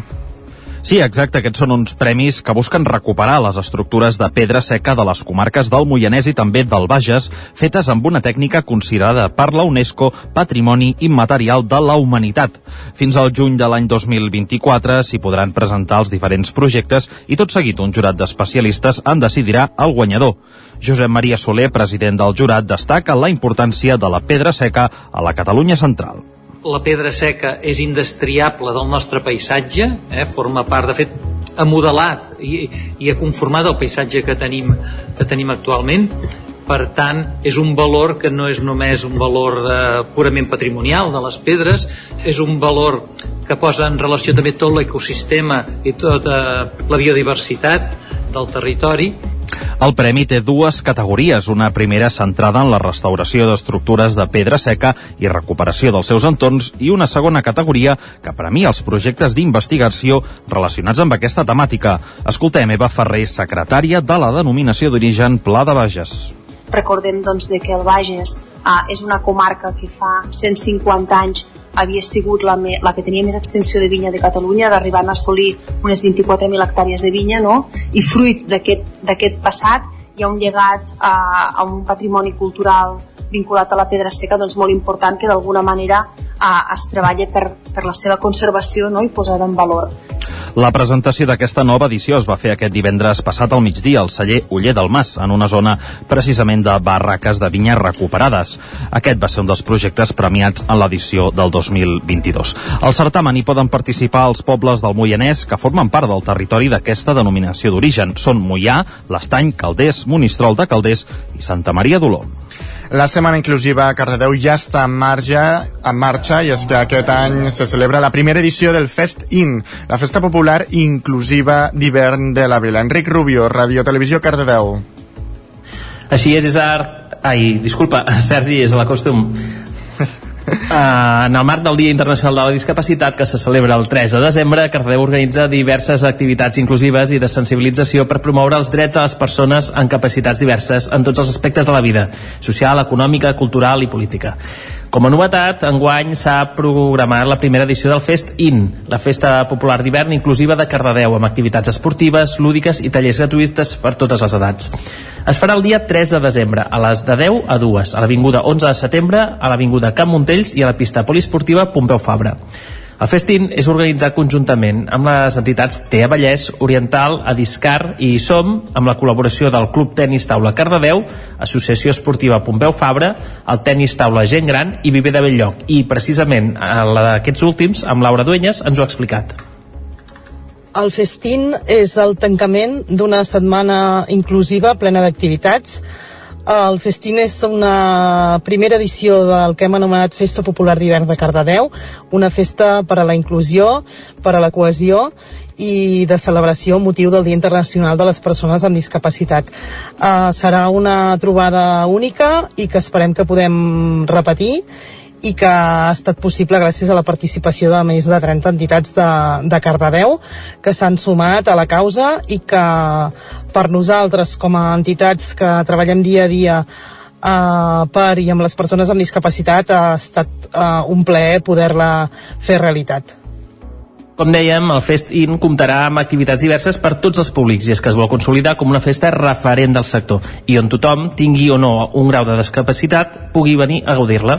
Prats va acollir divendres i dissabte les setenes jornades de memòria democràtica d'Osona i al Lluçanès. Un dels aspectes que es va tractar va ser el paper que va jugar als bombers durant la Guerra Civil, tal com comentàvem a l'inici del programa, Miquel. Una trentena de persones es trobaven dissabte al matí davant l'Ajuntament de Prats per iniciar una ruta fins a la, a la, fins a la carena de Sant Sebastià, que ve ser l'epicentre d'una de les batalles de la Guerra Civil i origen de moltes de les fosses comunes que hi ha a la zona. Aquest recorregut tancava les setenes segones jornades de memòria democràtica d'Osona i el Lluçanès que van començar divendres. En parla l'arqueòloga Àngels Pujol aquí Prats, un dels motius pels quals es va venir és perquè hi havia notícies de que en una de les fosses, no, a l'indret, hi havien morts eh, bombers del cos de bombers de Barcelona. Llavors el Marc Ferrer, que és un gran historiador dels, dels bombers, de la història dels bombers, havia recuperat uns quants noms d'aquestes persones que havien mort a, a l'indret. Llavors, en una de les fosses que vam excavar vam aconseguir trobar un dels botons dels bombers. Per tant, sabem que van ser enterrats en aquella fossa. El que no hem pogut fer, malauradament, perquè l'estat de la resta estava molt malmès en aquell punt, és identificar-lo. Segons els historiadors, a les dues comarques hi consten nou bombers del Parc de Barcelona que van morir o desaparèixer durant el conflicte. I a ells es, es va fer referència en una conferència divendres que tenia per objectiu com les jornades de mantenir viva la memòria històrica. Des de l'organització en parla Santi Ponce. I encara recordàvem doncs, molta gent present a l'acte dels seus avis, dels seus besavis, que encara estan a les cunetes, encara estan desapareguts o van patir un calvari doncs, en els camps de concentració d'Argelers Figueres o inclús alguns que van anar a parar a Mauthausen. El que també vam detectar és el silenci que durant tota la dictadura franquista els mateixos protagonistes van, van, van imprimir els seus, els seus fills i, i n'ha quedat un buit en el, en, en el coneixement de, del que va passar i perquè no torni a passar creiem que val la pena de recuperar aquesta memòria. Durant el recorregut es van visitar les dues fosses comunes que es van localitzar l'any 2017 en el marc del Pla de Fosses de la Generalitat a la zona de Sant Sebastià, on hi van trobar 14 cossos i Sant Andreu de Llanàs, on en van aparèixer 4. Es comptabilitza que el, el 3 de febrer de 1939 hi va haver 250 baixes del bàndol republicà i sumant-hi el dia abans i el posterior en van ser 620. I en plana esportiva us expliquem que Sant Joan acollirà una sortida de la Volta Ciclista a Catalunya 2024. Ens explica l'Isaac Muntades des de la veu de Sant Joan. Sant Joan de les Abadeses tornarà a tenir un protagonisme important en la 103 edició de la Volta Ciclista de Catalunya i acollirà una sortida d'aquesta prova esportiva. Fa 50 anys el municipi Sant Joaní ja va ser protagonista per partida doble de la Volta. L'any 1973, en la 53a edició de la cursa, Sant Joan va acollir el final del segon sector de la quarta etapa d'una jornada de 131,4 quilòmetres de distància amb sortida a Sant Antoni de Calonja en què va vèncer l'italià Vladimiro Panizza i també la sortida de la cinquena etapa etapa en una jornada acabada a Andorra on va guanyar el bat Chomin Perurena, precisament el vencedor general d'aquella edició. La prova ciclista catalana per excel·lència es disputarà entre els dies 18 i 24 de març del 2024 i és una referència en l'àmbit mundial gràcies a la seva presència al calendari UCI World Tour. El director de la prova, Rubén Peris, va explicar que per la volta a Catalunya és un plaer tornar a Sant Joan després de 50 anys i va assegurar que l'entorn de muntanya Sant Joaní del Ripollès serà ideal per a poder gaudir d'una gran etapa de la volta. Per la seva banda, el regidor d'Esports del consistori, Albert Ramoneda, va afirmar que estaven molt contents d'acollir aquesta sortida d'etapa. A principis d'estiu se'ls va comunicar l'efemèride del pas de la volta ciclista fa 50 anys i se'ls va facilitar algunes fotografies d'aquell moment. Ramoneda va dir que és un esdeveniment amb molta repercussió internacional. Al final, acollir un esdeveniment d'aquestes característiques doncs, té un impacte tant a nivell directe, que és que et venen aproximadament 200 corredors, més unes 500-600 persones d'organització, equips, comunicació, que els tindràs doncs, un dia a la comarca, i com a impacte indirecte, doncs, al final final aquesta repercussió, aquesta tan gran repercussió a nivell de, de mitjans internacionals doncs, que puguin veure i, i conèixer la comarca i el nostre municipi doncs eh, és una cosa doncs, que sempre és bona i, i que podem celebrar, no? La prova comptarà amb la presència assegurada dels 18 millors equips ciclistes del món. A més, té una important difusió internacional que arriba fins a 190 països i els 5 continents en la seva cobertura televisiva, gràcies a 33 difusors internacionals. La volta, que també pujarà per vuitena vegada fins a l'estació de muntanya Vallter 2000 des que es va estrenar el 1986, cada cop té més perfilat el recorregut en què els millors ciclistes del món competiran al març buscant el relleu de l'últim vencedor, l'eslovè Primo Roglic.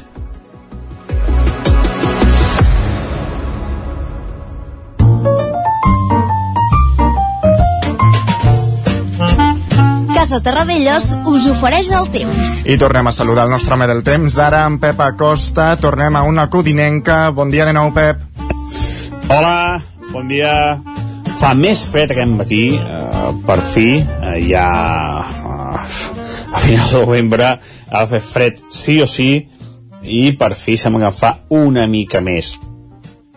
Eh, continua també una mica la nevada eh, cap a la zona eh, nord del Ripollès eh, s'han acumulat uns 10-15 centímetres de neu molt bona notícia perquè estan les muntanyes molt, molt pelades però almenys eh, hi ha un petit canvi de, de situació en aquesta zona eh, per fi veurem el blanc en aquesta zona del Pirineu que, que ja tocava també, eh, que ja era hora que hi hagués aquesta blancor eh, a la zona del Pirineu. Continua la nevada eh, aquest matí eh, de cara a tarda ja fluixarà però les pròximes hores encara pot nevar eh, una mica. Ho farà amb, la nevada serà bastant, bastant feble eh? no serà nevada molt important ni de bon tros eh, poder fins, a, fins al final de, del matí a les zones més altes de Ter eh, zones pròximes uns 20 centímetres les parts més altes poden haver acumulat que és molt bona, molt bona notícia insisteixo que feia molts dies que no nevava i per fi ho fa. Uh, fora del Pirineu serà un dia en gairebé sense cap núvol, uh, molt assolellat, però bastant fresc. Uh, les temperatures hi costarà molt uh, passar dels 15-16 graus, uh, moltes màximes entre els 14, 15, 16, 17 graus a tot estirar. Un dia uh, força, força fresc, també farà vent fora del Pirineu. Eh, el vent està bufant fort eh, més de 80 km per hora cap a Montseny. A Ubidater fins a 114 km per hora. Eh, per tant està bufant fort aquest vent de nord que és responsable de que nevi cap al Pirineu i és responsable de la baixada de les temperatures uh, uh, com deia uh, fora del Pirineu molt serè, gairebé cap núvol i aquesta serà la tònica de tot el dia d'avui. La pròxima nit encara serà més freda, el vent encalvarà una mica i per tant les temperatures poden baixar encara més englaçades per fi fora de la zona del Pirineu. I eh, no en queda res més per dir, només que disfruteu del dia, que aviam si aquesta nevada del Pirineu és més important de la que s'espera, i a veure si veu una puja general però que us dir que de moment no es veu per enlloc aquesta possibilitat de puja general a les dues comarques. Moltes gràcies, fins demà. Adeu. Casa Tarradellas us ha ofert aquest espai. Fins demà, Pep, i ara al Territori 17 és moment d'anar als solidaris. I avui Laura Serrat conversa amb la bigatana Núria Toneu, ens apropem de nou als voluntaris i voluntàries de la comarca per conèixer les seves trajectòries i motivacions. Avui és el torn de la bigatana Núria Toneu, de 49 anys, que tal com ella mateixa es defineix, és dona, mare i cooperant. I és que la seva història en el món de l'activisme social comença ja des de ben jove en un viatge a l'Índia. Després de llegir el llibre La ciutat de l'alegria, una novel·la en la qual es narren vivències de diferents personatges d'un barri de Calcuta, Toneu va voler conèixer aquest país i ara, anys més tard, l'Índia forma part de qui és. Coneixem la seva història i totes les cooperacions que ha dut a terme en aquest país des del territori 17. Abans de començar, fem 5 cèntims de la seva acció social. Amb quines entitats ha col·laborat al llarg dels anys? Bueno, jo sóc presidenta de la Fundació Daniel Xanuriel Toneu, que és una ONG que treballa a l'Índia des del 1993, i també he estat doncs, bueno, voluntària als centres de la Mare Teresa de Calcuta, als hospitals tant de nens com de leprosos, a Sujibaban i a Càlidat. Quan va començar a implicar-se en aquest activisme social? Bueno, mira, va ser rere un viatge que vaig fer a la Índia, rere haver llegit un llibre que es diu La ciutat de l'alegria, que estava a l'estanteria de, de casa meva i amb 18 anys, després de llegir-lo, vaig voler també experimentar el que havia llegit. Parlava sobre els hombres caballo que es fan a, a Calcuta, que encara n'hi ha alguns. Ho volia veure per mi mateixa. I va començar llavors. Després vaig trobar que podia anar a fer un voluntariat a casa Mare Teresa, però al principi no era eh? era d'anar a fer un viatge i ja està, però mira, la vida és així i, i hi vaig quedar bastant temps. I vaig anar, tornar, anar a tornar i em vaig fer cooperar. I quines han estat les àrees o causes a les quals ha dedicat més esforços? Mira, quan estàvem a Mare Teresa, jo i el meu compà, el meu home, ara, era més que res doncs, estar a l'hospital, tant de la Produs com de nens petits, i era una ajuda doncs, més assistencial. Ara l'ajuda que nosaltres fem, perquè tenim la nostra pròpia ONG, després quan va morir Mare Teresa vam pensar que estaria bé poder fer la nostra obra d'ajuda social, ja no és assistencial, sinó és de cooperació. Tant els que estan allà com els que som per aquí, el que fem és cooperar junts. Nosaltres no anem a ajudar, sinó el que fem és que juntament treballem per un objectiu. Que l'objectiu és fer pous d'aigua potable, que és, és un projecte que estem fent més ara, doncs estem tots treballant per això també tenim una escola de primària, que tenim allà unes professores, totes dones, doncs tots cooperem amb això ningú ajuda a ningú, sinó és cooperació. Després també vam tenir un hospital de leprosos, centre d'assistència sanitària, hem anat fent diversos projectes per cooperar a més amb, amb tots nosaltres, que som tots una família ara mateix. Imagina't, des del 93 que treballem junts. Quines tasques concretes desenvolupen les seves col·laboracions? Quin paper hi juga vostè? Mira, jo sóc cooperant, jo formulo els projectes, els presento a vegades els accepten, a vegades no, i abans, doncs, quan no tenia la nena petita que tinc ara, doncs jo era cooperant. El que feia era anar allà i, i cooperar més. Dir, era, feia els projectes, eh, no solament els formulava sobre paper, sinó que també els feia en realitat. Vam construir l'escola Sirena, vam construir l'Hospital de Leprosos, hem estat fent projectes per les dones allà, hem estat fent projectes d'aigua potable, projectes, per exemple, d'ajut al camperol, tot això doncs, ho anàvem fent junts allà, eh, allà mateix, in situ, mai des d'aquí. I ara que tinc uh, nens petits, doncs faig més des d'aquí. Que està més allà és en, en Daniel, en Daniel Xà. És el que porta tota la fundació ara, és el coordinador de la fundació. Recorda alguna anècdota especial que hagi viscut en alguna de les seves cooperacions? Uf, però moltes, moltes, moltes. Més que el que hem viscut al voluntariat, que això cada dia és una història diferent, doncs eh, la Índia en si és un país superespecial, amb una cultura també super especial i ens hem de posar una mica en context de l'any que jo vaig arribar allà, era un any fa molt temps, el 93, la Índia no és el que és ara, ara la Índia és una potència mundial i abans no ho era, era un país molt pobre i més Calcuta era molt pobre i havíem viscut moltes coses, per exemple, el nostre avi Tacordà, que nosaltres li dèiem Tacordà, era un home que ara ja, ja va morir, ja fa un parell d'anys, un home que patia enanisme i el vam trobar en un circ, que el meu home va dir ai va, anem al circ, així no pensem tant en el que hem vist perquè cada dia veiem coses, hi ha un hospital de nens abandonats, o amb sèries problemes tant mentals com físics, a la proseria també, i vam voler anar al circ a veure una mica de, bueno, doncs els pallassos i tal. I vam trobar en t'acordar aquesta persona amb aquest problema de nanisme i quan varen sortir del circ, a darrere veiem que l'estaven pagant, estaven pagant en recordar. I jo i el meu home ens vam quedar mirant i vam pensar, però això com és possible? L'hem de treure d'aquí? L'hem de treure d'aquí i ens l'emportem. Així és mateix, coses impossibles que penses, però com, com hem fet aquesta bogeria? Doncs sí, vam agafar el t'acordar, ens el vam emportar, ens el vam emportar a coll i vàrem córrer a l'escola.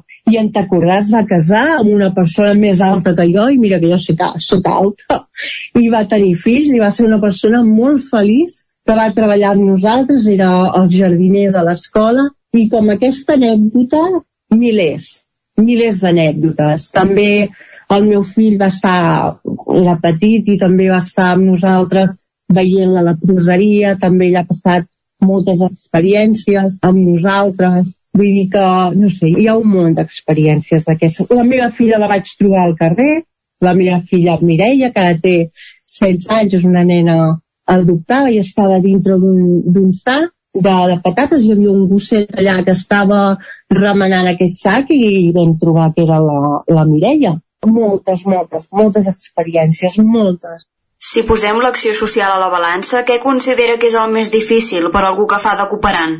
El més difícil de tot és que les idees que aquí poden funcionar o que tu pots tenir no tenen per què funcionar allà. Tu pots fer-te una idea de com poder eh, solucionar la vida allà dels altres, però quan arribes allà veus que això no és possible, perquè hi ha una manera de viure diferent, hi ha, tenen els seus temps, no és el mateix aquí que va, va, corre, que ho hem de fer ràpid per presentar-ho, per no sé què. No, allà tot és amb més calma, més parlar-ho, o no parlar-ho, hi ha aquests temps de silenci, anem a fer un té, a terra, sentats a terra, a pensar-ho, a parlar-ho, a no hi ha un temps de va, va, va, la cultura, la llengua i les idees, la manera de fer, no és gens comparable aquí i allà. I has de saber moure't, a saber relacionar-te, i això, doncs, bueno, hem anat aprenent durant, durant els anys. També té molt a veure el meu home, que és d'allà, en Daniel, ja fa 30 anys que estem junts, coneixo ja és la cultura, la gent i, i tot això ens ha ajudat molt. I la fundació bueno, amb seguretat que funciona gràcies a que el 99% de les persones que en formem part són d'allà, si no seria, costaria molt, perquè la manera de veure la vida és molt diferent. I d'altra banda, com a cooperant, què és allò que més la reconforta? Els resultats. Els resultats és el que més reconforta. Assentar-te amb ells i pensar ens ha sortit, eh, hem treballat per això, ens ha costat potser menys, potser ens ha costat més, però ha sortit, i no sé, ara estem fent lo dels pous d'aigua potable i pensem, ostres, si anem a aquesta aldea, què ens diran els alcaldes, què ens diran la gent gran, que és de, de que tenen més pes. El que més reconforta és quan les coses surten molt bé i perquè les has fetes juntament amb altres persones que les saben fer bé, no solament és cosa teva, sinó és de tot. Com a resposta tens, tens somriures, llargs somriures, llargs silencis, amb, amb somriure, no cal dir ni parlar d'això, ja parlen diferents llengües a diferents estats que, que treballem, per tant hi ha llocs que no cal ni, ni parlar-ho, no? És, el que reconforta és el resultat i poder-ho compartir entre, entre tot. I de cara al futur tenen previst llançar algun altre projecte?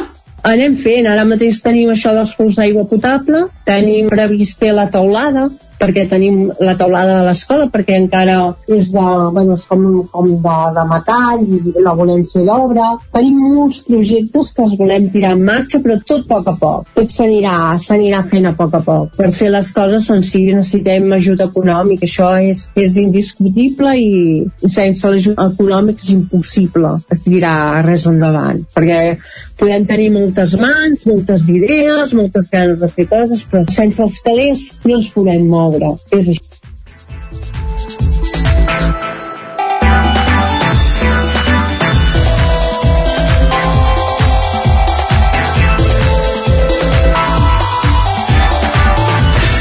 El nou FM, la ràdio de casa, al 92.8. Situat en un entorn immillorable, envoltat de natura, a l'hostal restaurant La Guineu tenim la brasa encesa tot el dia per esmorzar, dinar o sopar a la fresca. Ja tenim a punt les opcions de menús d'empresa i per les festes de Nadal, Sant Esteve o Cap d'Any. Estem especialitzats en opcions vegetarianes. Hostal La Guineu. Ens trobareu a l'urbanització Les Guilleries de Viladrau. Obrim tots els dies. La qualitat de les teves impressions és important per tu? Estàs cansat que els colors i les imatges no surtin com t'esperes? A Impremta Mater disposem de la tecnologia més avançada i els millors professionals per aconseguir impressions d'alta qualitat. Fem tota classe d'impresos amb acabats professionals. Llibres, catàlegs, revistes, tesis, calendaris, enquadernacions... I a més, disposem del servei d'impressió digital en gran format, roll-ups, lones, pòsters i molt més. Impremta Mater. Ens trobaràs a la carretera de Sant Hipòlit 23 de Vic o impremtamater.com. Vine al Garden Tortadès de Vic i descobreix l'exposició de Nadal més màgica de la comarca. Decoració, ornaments, il·luminació, poncèties, arbres de Nadal i molt més. Inspira't i crea el Nadal dels teus somnis. Obrim cada dia, diumenges i festius inclosos. Garden Tortadès. Ens trobaràs al polígon Mas Galí de Vic. T'imagines un programa de política, d'economia, feina... Doncs ja te'n pots oblidar. Quin tinglado! Un programa d'entreteniment, actualitat, cultura i molt rigorós. Amb Bada Serrat, Miquel Giol i Eudal Puig. Un programa que no passarà a la història i que tampoc guanyarà cap ondes. No ens flipem. Escolta'l cada dijous en directe de 8 a 9 del vespre al 9 FM. Ai, ai, ai, quin tinglado! Cocodril Club. Si t'agrada la bona música dels anys 60, 70 i 80, escolta el 9 FM als matins de dissabtes i diumenges d'11 a 1.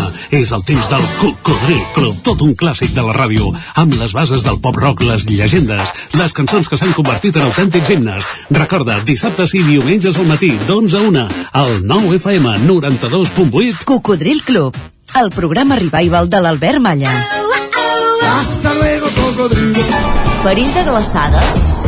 Per evitar problemes a les instal·lacions d'aigua en cas de glaçades, Aigües Vic recomana que es prenguin les mesures adients, protegint-les amb els materials adequats. Aigües Vic recomana la protecció amb Porexpan o amb altres materials aïllants, però sempre fàcils de posar i treure per facilitar la lectura del comptador. Per a més informació truqueu al 93 885 2500 o entreu a aigüesvic.com. El 9 FM, el 9 FM, el 9 FM, el 9 FM. En punt, dos quarts d'onze al territori 17.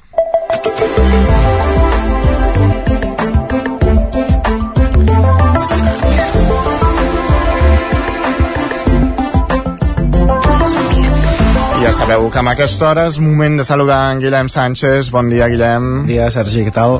A veure què has trobat avui a Twitter. Doncs mira, gent que ja no treballa fins la setmana que ve. I Ah, ens ho diuen ostres, així. quina sort, no? Tan panxos. No sé si canviaries, eh? Per això la situació que ens Ah. descriu la Marta. Vale, a veure. Ens diu, no us ho he dit, però ja no treballo fins dilluns. Però tampoc me'n vegeu, que demà em submergeixo de ple en una mudança que acabarà, si Déu vol i les forces m'acompanyen, amb tot col·locat a puesto el diumenge a la nit.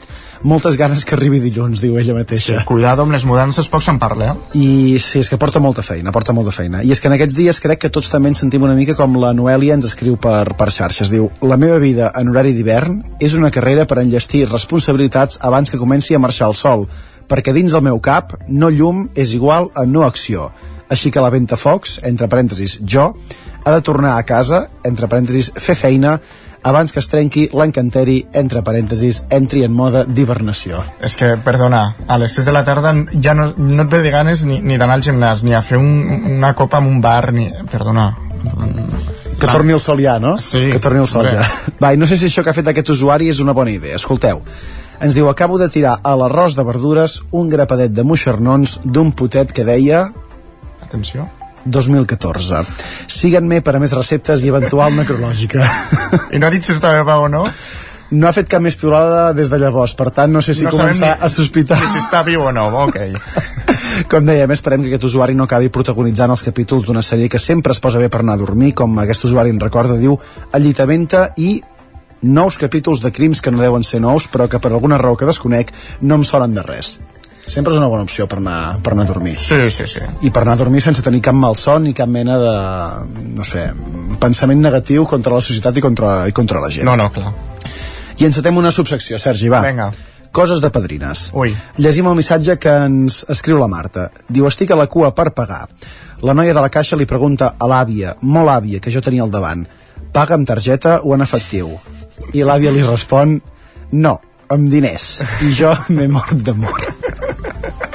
Ho esperaves, no? Ja estaves, sol- hombre. estaves esperant aquesta Sí. resposta. Qui no ho hagués fet, eh? I és que els comentaris també a la publicació m'han fet gràcia, com per exemple aquest que ens diuen amb cèntims hauria resultat encara més autèntic. La gent corrent no parlava de diners, paraula d'un registre una mica culte en català, sinó de cèntims, normalment, que té més a veure, suposo, amb la És xavalla i amb la, sí, i amb la sí, cosa i s'està petita. per- perdent, eh? Dir, quants cèntims ten, tens? Sí, sí. O Va. quants cèntims costes? Sí, I una subsecció que continua amb aquesta observació. Acabo de veure un galgo pel carrer amb un jerseiet de llana de color marró. No, no, jo estic això totalment en contra. En contra. Però els animals també tenen fred, Sergi. Bueno. Però és la naturalesa, eh? La, No sé què dir-vos, eh? No sé què dir-vos. la moda animal, bueno, en fi. Va, si, si no en voleu tenir, vosaltres també podeu optar, com deies abans, Sergi, per anar, per exemple, al gimnàs, encara que siguin les 6 de la, de la tarda. Tot i això, com ens explica en Marc, s'ha de vigilar una mica en llocs Mhm. com aquests, perquè ens diu el gym és una cosa, mires a una banda i un home gemegant, et gires i un altre penjat del sostre amb el cap per avall i entre tot, tot això has d'intentar no riure. Has d'intentar no riure i fer una mica d'exercici, no? Ja que has anat allà. Clar, hombre. Perquè si no, vas- si no pagues vas una- mirar... Si pagues una, una, una quota i no vas allà a fer una mica de feina... Bueno, que hi ha la típica, eh, sempre de pagar la quota i no... I no, i no anar-hi. Com tenim, em sembla, algun company aquí a la redacció que, sí. que potser podria ser Sí, sí. abanderat d'aquesta qüestió. Va, però penseu que tan important és la salut física com també l'emocional. Atenció a la reflexió que ens fa l'Eric avui al, al matí. A veure. Diu, hi ha persones amb un caràcter alegre que només xerrar amb elles ja et fan estar content. Em passa amb la meva perruquera, una dona simpàtica per naturalesa que cada sessió on la veig és una de teràpia emocional. Aquest tipus de persones alegres sempre al nostre voltant. A vegades anar a la perruqueria és com anar al psicòleg, no? Per això, a més, fas un, fas un dos per un, et deixen bé al cap, tant per dintre com per fora, no? Podríem, podríem dir-ho així. Que bé ho has lligat, això. Va, i acabarem amb un comentari de la Maria, que em sembla que és molt encertat en aquesta època de l'any i en aquest moment del matí. A vegades una noia només necessita un cacaulat. Jo canviaria aquí noia per una persona necessita Una, un cacaulat. Sí. I amb aquestes hores, doncs més. I per esmorzar sempre, sempre es posa bé. Doncs gràcies, Guillem. Va, Fins que vagi demà. molt bé.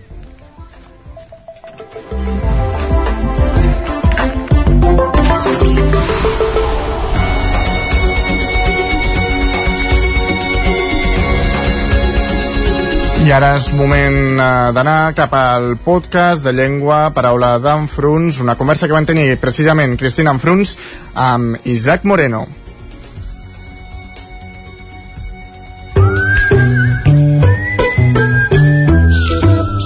Paraula d'enfruns, el teu podcast de llengua.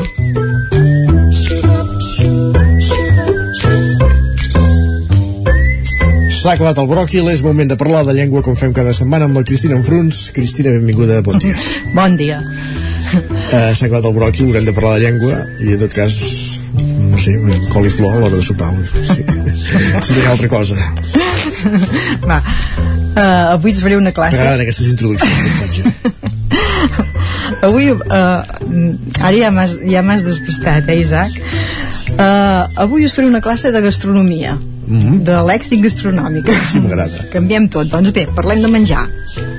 Ara que cuidem tant la nostra alimentació i procurem seguir una alimentació sana, Sí. un dels aliments que ha agafat gran valor és el bròquil. Veus com jo sabia per on anàvem?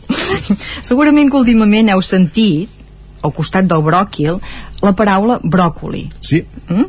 Doncs bé, sapiguem que el bròquil i el bròcoli són dos termes correctes, tots dos, eh? però són diferents. Són ah. dues hortalisses que han de. Eh, eh, o sigui, no és que siguin la, la mateixa el mateix producte No amb que noms diferents, sinònims. sinó que són, eh, són diferents, eh? Per una banda, el bròquil Per tant, si s'ha acabat el bròquil, podem menjar bròcoli. podem menjar això. i, i, i veureu la diferència eh? El bròquil és de color verd o també de color crema uh, en moltes zones s'anomena bròquil aquesta hortalissa de color verd mentre que la varietat blanquinosa rep el nom de coliflor Correcte. Mm? Aquí arribava, va. D'altra banda, el bròcoli, que és un terme que no fa massa eh, que el va, el va fixar el termcat, és de color verd fosc. Tu vas al supermercat, el veuràs allà, eh, de color verd fosc o fins i tot a vegades és blavós. Mm? D'acord. Aquest ara té molt èxit, potser perquè s'aprofita més, eh? Cal bullir-lo poc i no fa aquell olor eh, tan característica de la coliflor que sí. pot ofendre algú doncs bé, una alternativa que tindrem ara doncs en comptes de, de coure bròquil o coure coliflor doncs podem coure el bròcoli i no tindrem aquella aquell, Però, per aquella tant- olor per tan tant, característica Entenc que són totes tres de la mateixa família. Són iguals, però canvia el color, eh? per entendre'ns així a, a, Exacte, sí, a, a, a la vista. segurament que si anem a les prestatgeries d'allà, les neveres aquelles, Sí. els veurem tota aquesta coloraina, però que sapiguem que tenen noms diferents, eh? Correcte. Fins i tot hi ha un altre, eh? I hi ha un altre que també ha aparegut, mm, bé, ja ara ja fa uns quants dies, eh? Per, eh que és el romanesco. Romanesco. Mm, és un terme que ve de l'italià i que també ha estat, igual que el, el, el bròcoli, també el, el va introduir el termcat, que el romanesco és una barreja entre el bròquil i el bròcoli. Però aquest és d'un color verd clar. Per tant, tenim avui, aquí... avui estem parlant de les, de les nectarines de les hortalisses, eh? Bàsic, Exacte. bàsicament seria això. Aquí tenim tota, tota la gamma de colors i doncs cada color té el seu nom eh, específic, eh? Vull dir que Per podem tant, fer una classe coliflor, bròquil, bròcoli i romanesco. i romanesco i cadascú té el seu color eh? Que mm, I entenem que això ja, ens faria falta aquí un nutricionista per dir-nos si, les propietats de cadascuna. jo crec que no variaran gaire eh? D'acord. això ja no, ja no m'hi entenc però bé que sapiguem doncs que tenim tot aquest eh, ventall de, per escollir eh? per, per, per, mm, per cuidar-nos una mica. Entesos, i que per tant no és el mateix, cadascun, cada nom correspon a una eh, planta diferent. Exacte. i per tant totes són correctes uh -huh. però no són sinònims. Exacte. Sí senyor. Doncs sí que n'hem après avui de coses. I bé, doncs bé, i a part ja que has començat, que s'ha acabat el bròquil doncs bé que us vés d'explicar aquesta dita d'on ve o, o què significa no? doncs va. Uh, segurament que mm, per la gent ja que mm, més gran uh, segur que us sona que el Jaume Barberà el, periodista l'any 2013 va publicar un llibre que es deia així. Segurament a molts de vosaltres us sona que el va titular S'ha acabat el bròquil l'expressió vol significar que d'una certa cosa, sigui objecte, diner o vida, ja no en queda més. I aquesta dita té un origen que fa referència a una de les fondes més típiques de Barcelona, que estava ubicada a, prop de la Boqueria, que era famosa perquè els cambrers i els cuiners es parlaven a crits. I quan havien de demanar algun plat ho feien cridant i deien, un plat de bròquil.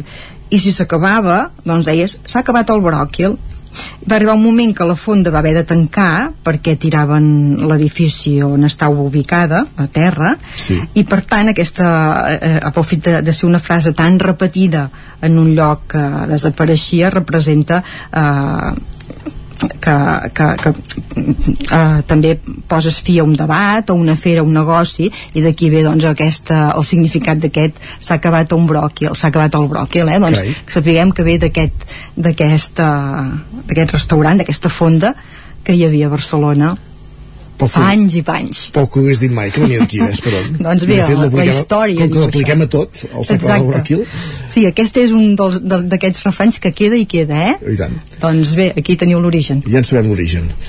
I ara hi posem música, oi? Vinga. Som-hi.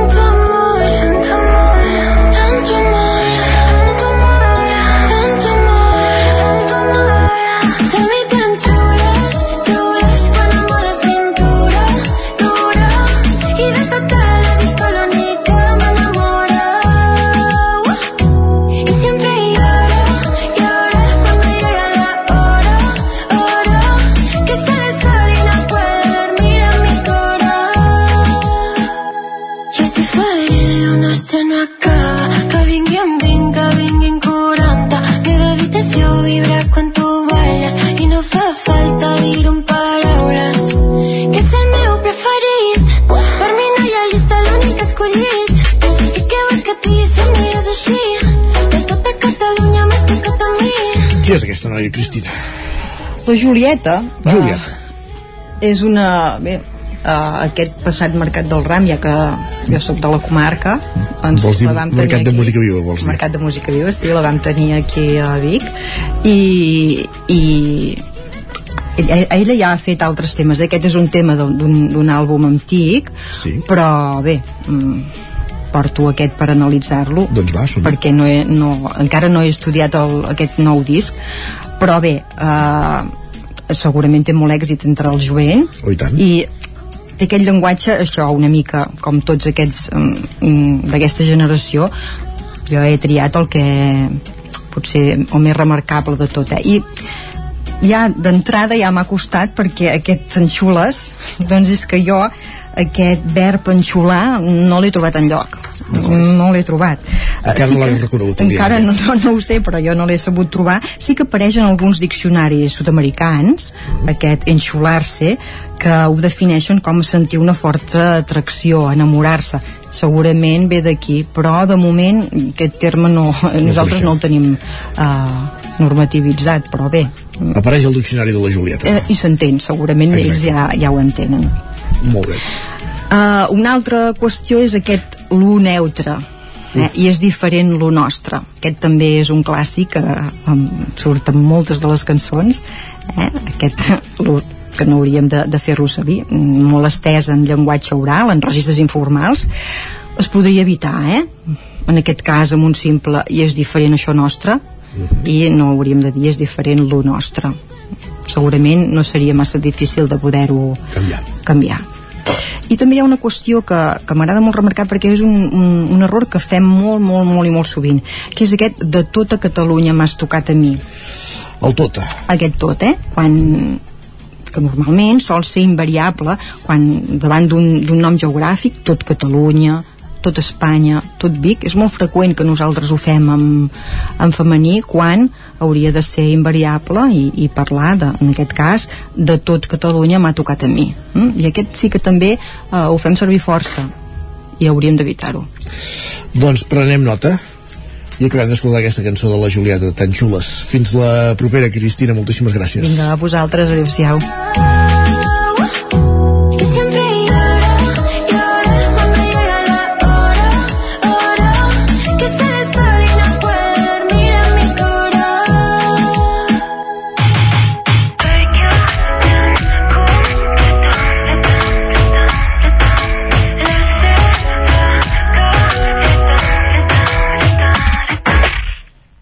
Dos quarts d'onze del matí, recta final del Territori 17 i l'acabarem recuperant una conversa que van tenir l'Isaac Moreno i la Marta Simón al Lletra Ferits.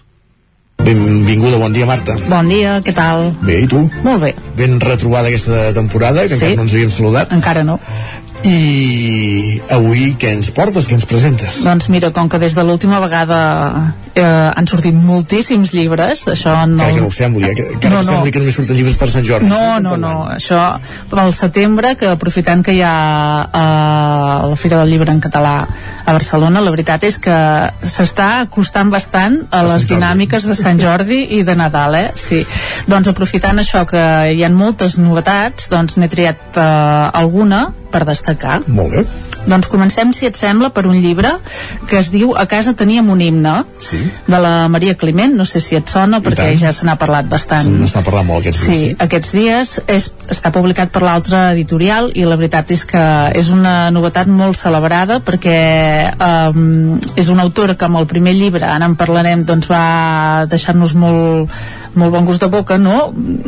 Va ser un llibre que va estar molt bé i va rebre molt bones crítiques per part de la crítica i també del, dels lectors i teníem, no?, els dubtes o la, la, les expectatives de veure com aniria la segona novel·la i la veritat és que jo me l'he llegit i m'ha agradat molt. Ha, su ha superat les expectatives. Sí, sí, Molt sí, bé. consolidadíssima la Maria Clement com a escriptora. Eh, ella és d'Amposta, és traductora, és escriptora i de fet eh, col·labora amb diversos mitjans de comunicació i la podem llegir per exemple a 14, on escriu periòdicament.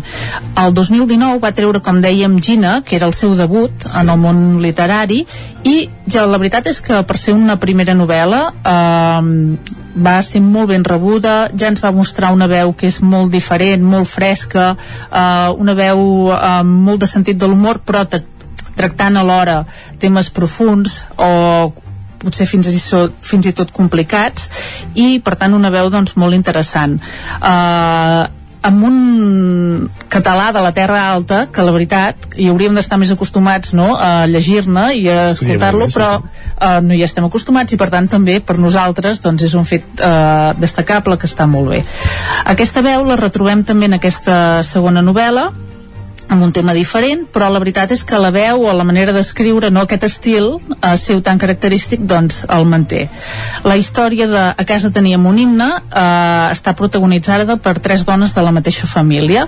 Per tant, tenim tres veus que es van intercalant i que ens van narrant el que passa i cada una des del seu punt de vista i la seva manera de ser d'acord? Per tant, tindrem tota la història però fragmentada a partir de tres veus uh -huh. uh, són una mare i dues filles que són provinents d'Arnes és un petit poble i que en un moment donat es reuneixen totes tres a la Toscana que és on viu la mare des de fa anys per resoldre un assumpte familiar que no desvetllarem perquè després ja no tindria gaire gràcia el, el llibre. No farem spoilers. No farem spoilers. Per tant, tenim la Marga, que és la més jove que treballa en una floristeria a Barcelona sense parella, acomplexada en part també pel seu físic secretament enamorada d'un noi d'Arnes que havien sigut molt amics en la seva joventut i bastant sola. Tenim la Remei, que és l'altra filla la, la gran, doctora casada amb el xicot de sempre amb la parella perfecta però que està una mica cansada d'aquesta vida. I després tenim l'Ernestina l'Erne, que és la mare que just després de quedar-se vídua va agafar les maletes i se'n va anar a viure la seva vida a la Toscana i no és que entre elles tinguin gaire relació fins a aquest moment en què es troben. Quins temes toca el llibre? Doncs l'amor, Uh, la vida que portem per inèrcia, moltes vegades sense adonar-nos-en, uh, què arribem a fer per canviar-la o no, els silencis uh, i el que no ens diem, uh, per exemple amb els pares o els germans, i com tot això ens marca. I si et sembla, en llegiré un fragment molt petit. Som-hi, i tant. És el moment en què elles doncs, han viscut una experiència, que tampoc revelarem, però molt important a la Toscana, sí. i se'n van cap a casa a, a dormir. Diu, fa fred, però no fa vent ni plou. Anem les tres agafades del braç, fent una mena de cadena. Jo vaig al mig. En un moment donat, faig l'anglet de començar el sirtaki i la remei, fent saltar la sorpresa, em segueix i riu. No ho confessarà, però jo juraria que aquesta nit ma germana s'ho ha acabat passant bé. Llavors començo a taral·lejar-lo i ma mare per fi es deixa anar i balla i ens posseix un atac de riure sense deixar de fer el ball, enmig del caminet que porta a casa, en una nit freda de lluna quasi plena on només se senten els nostres xiscles i un mussol allà que allà. Al final caiem a terra però no mos fem mal, caure les unes sobre les altres és l'excusa perfecta per abraçar-nos sense semblar que mos abracem. I no sé en quin moment aquell riure escènic es converteix en plor. De sobte mos mirem i les tres estem plorant, d'una manera o d'una altra amb llàgrimes. Crec que és alleujament. La línia que separa el riure del plor sovint és fina, com el plaer i el dolor. Una vegada vaig llegir no sé on que això passa perquè són funcions col·locades en zones veïnes del cervell. Sento que ha estat un punt d'inflexió això d'avui, que alguna cosa ha canviat i que tot serà una mica diferent. Millor a partir d'ara. L'última cosa que penso abans de dormir-me al sofà és una frase que ha dit ma mare. Me l'apunto al mòbil perquè no me'n vull oblidar. Qui té el coratge de fer el contrari del que li han ensenyat? Doncs seria aquest. A casa teníem un himne de la Maria Climent, publicat per l'altre editorial. Molt bé. Doncs una de les novetats que repassem avui en aquest Lletra Ferits, què més? En tenim una altra que també ha estat molt celebrada, sí? que és la Maria Antonieta de l'Stefan White, sí? amb traducció de Ramon Ferrés, publicat per la segona perifèria, i dic que és molt celebrada perquè ja era hora que tinguéssim aquesta obra en català, que fins ara doncs no hi era i ara finalment ha arribat. Stefan White és un autor d'aquells que podríem dir indispensable. Uh, va néixer el 1881 a Viena, Viena, té una obra molt extensa perquè va tocar totes les tecles, però on realment va destacar és com a biògraf, perquè sap captar molt bé la psicologia dels biografiats i té molt de talent per barrejar els fets, la vida que van viure aquestes persones amb la història i per tant són obres molt interessants. Altres obres que té, per exemple, que potser us sonaran moments estel·lars de la humanitat o el món d'ahir. I ara recentment també n'ha sortit una biografia d'ell, eh? No, no feta d'ell. Doncs tot un clàssic i que ara podem llegir també en català. Sí, i Swight ens relata aquí la vida de Maria Antonieta d'Àustria, que va ser la reina de França a la cort de Versalles, la vida regalada que tenia allà, el seu captiveri i la mort a la, a la guillotina. Llegim a la contracoberta. Més enllà de la vida i la mort d'aquest personatge, en aquest llibre hi trobem un relat vibrant i documentat de la convulsa Revolució Francesa, sembrat de luxes, misèries, traïcions, estafes, evasions, intrigues, lleialtat, deslleialtat, execucions i sacrificis. I de fet, la vida de la Maria Antonieta va ser bastant dramàtica, uh -huh. no només al final, no? I bé, és un llibre que, que segur que és molt interessant. Si et sembla, llegim un fragment també? Oh, tant, sí. és ja cap al final de tot quan han eh, han empresonat a la Maria Antonieta i de fet ella es prepara per anar al, al judici Diu, els 70 dies de la conciergeria han convertit Maria Antonieta en una dona vella i malaltissa. Els ulls vermells, inflamats per les llàgrimes, li cremen a la llum del dia per la manca absoluta de costum. Els llavis són notòriament pàl·lids a causa de les pèrdues de sang fortes i incessants que ha patit les últimes setmanes. Cada vegada més sovint ha de lluitar contra la somnolència i el metge li ha de receptar diverses vegades un cordial però ella sap que avui és un dia històric i no pot estar endormiscada. Ningú a la sala de l'audiència no ha de poder burlar-se de la feblesa d'una reina i filla d'emperador. Cal extreure un cop més tot el vigor del cos exhaust, del sentiment esllenguit de fa temps i després podrà descansar llargament, descansar per sempre. A Maria Antonieta ja només li queden dues coses per fer a la terra, defensar-se amb fermesa i morir amb fermesa.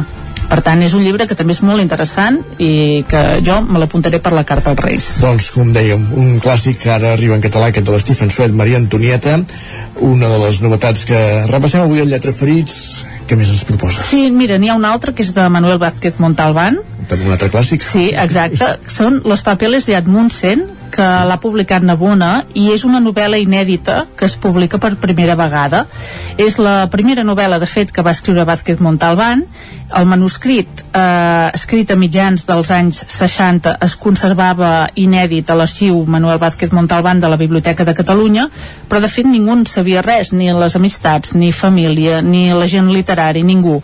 Eh, abans de que es donessin els papers a la biblioteca. Què va passar? Doncs que catalogar tots els papers que hi havia és una feinada, es va juntar amb la pandèmia i no va ser fins l'any passat, a finals de l'any passat, que es va poder recuperar aquest manuscrit que estava preparadíssim per ser, per ser uh, publicat, sí. Per què no s'ha publicat uh, fins ara? No? Doncs a la introducció del llibre que fa José Colmeiro, que és qui s'ha encarregat doncs, de l'edició, uh, hi podem llegir algunes hipòtesis. Per exemple, sembla que sé que la va presentar aquesta novel·la al Premi uh, Biblioteca Breve de Seix Barral i no va guanyar, potser es va desanimar, no? Potser també es tractava d'una qüestió relacionada amb la censura, que llavors també hi havia, doncs, eh, era molt important, o bé les dificultats que podria tenir un autor, perquè en aquell moment Man, eh, Vázquez Montalbán era totalment desconegut, no? Sí, doncs no era tan fàcil tampoc publicar un llibre.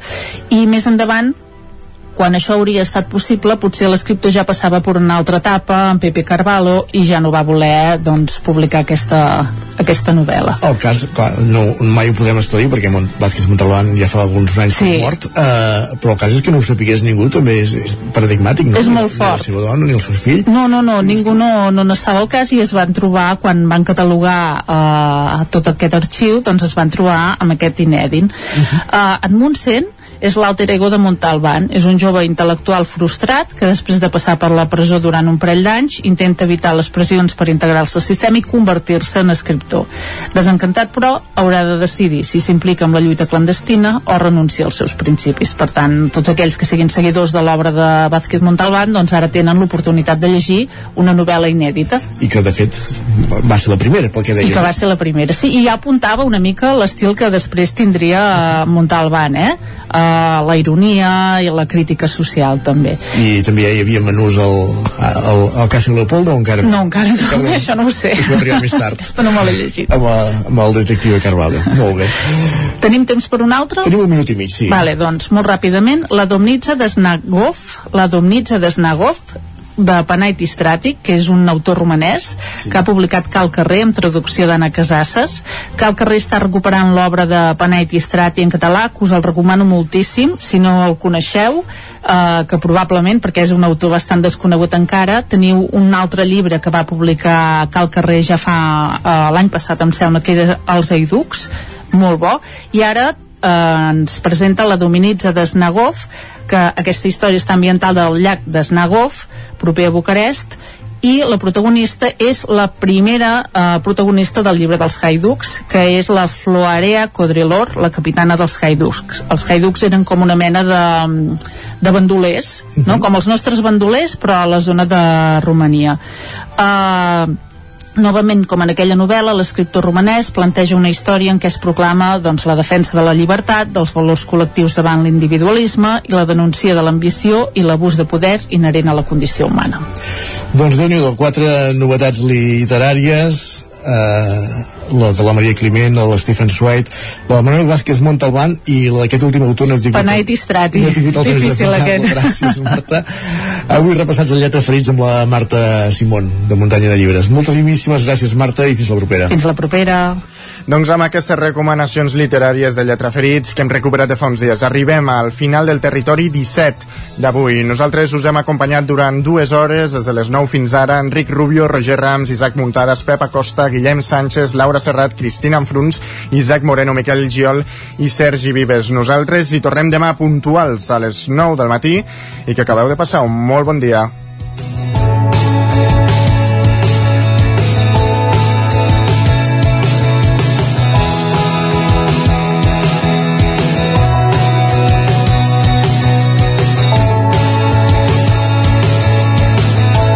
Territori 17, un magazín del nou FM, Ona Codinenca, Ràdio Cardedeu, Ràdio Vic i La Veu de Sant Joan, amb el suport de la xarxa.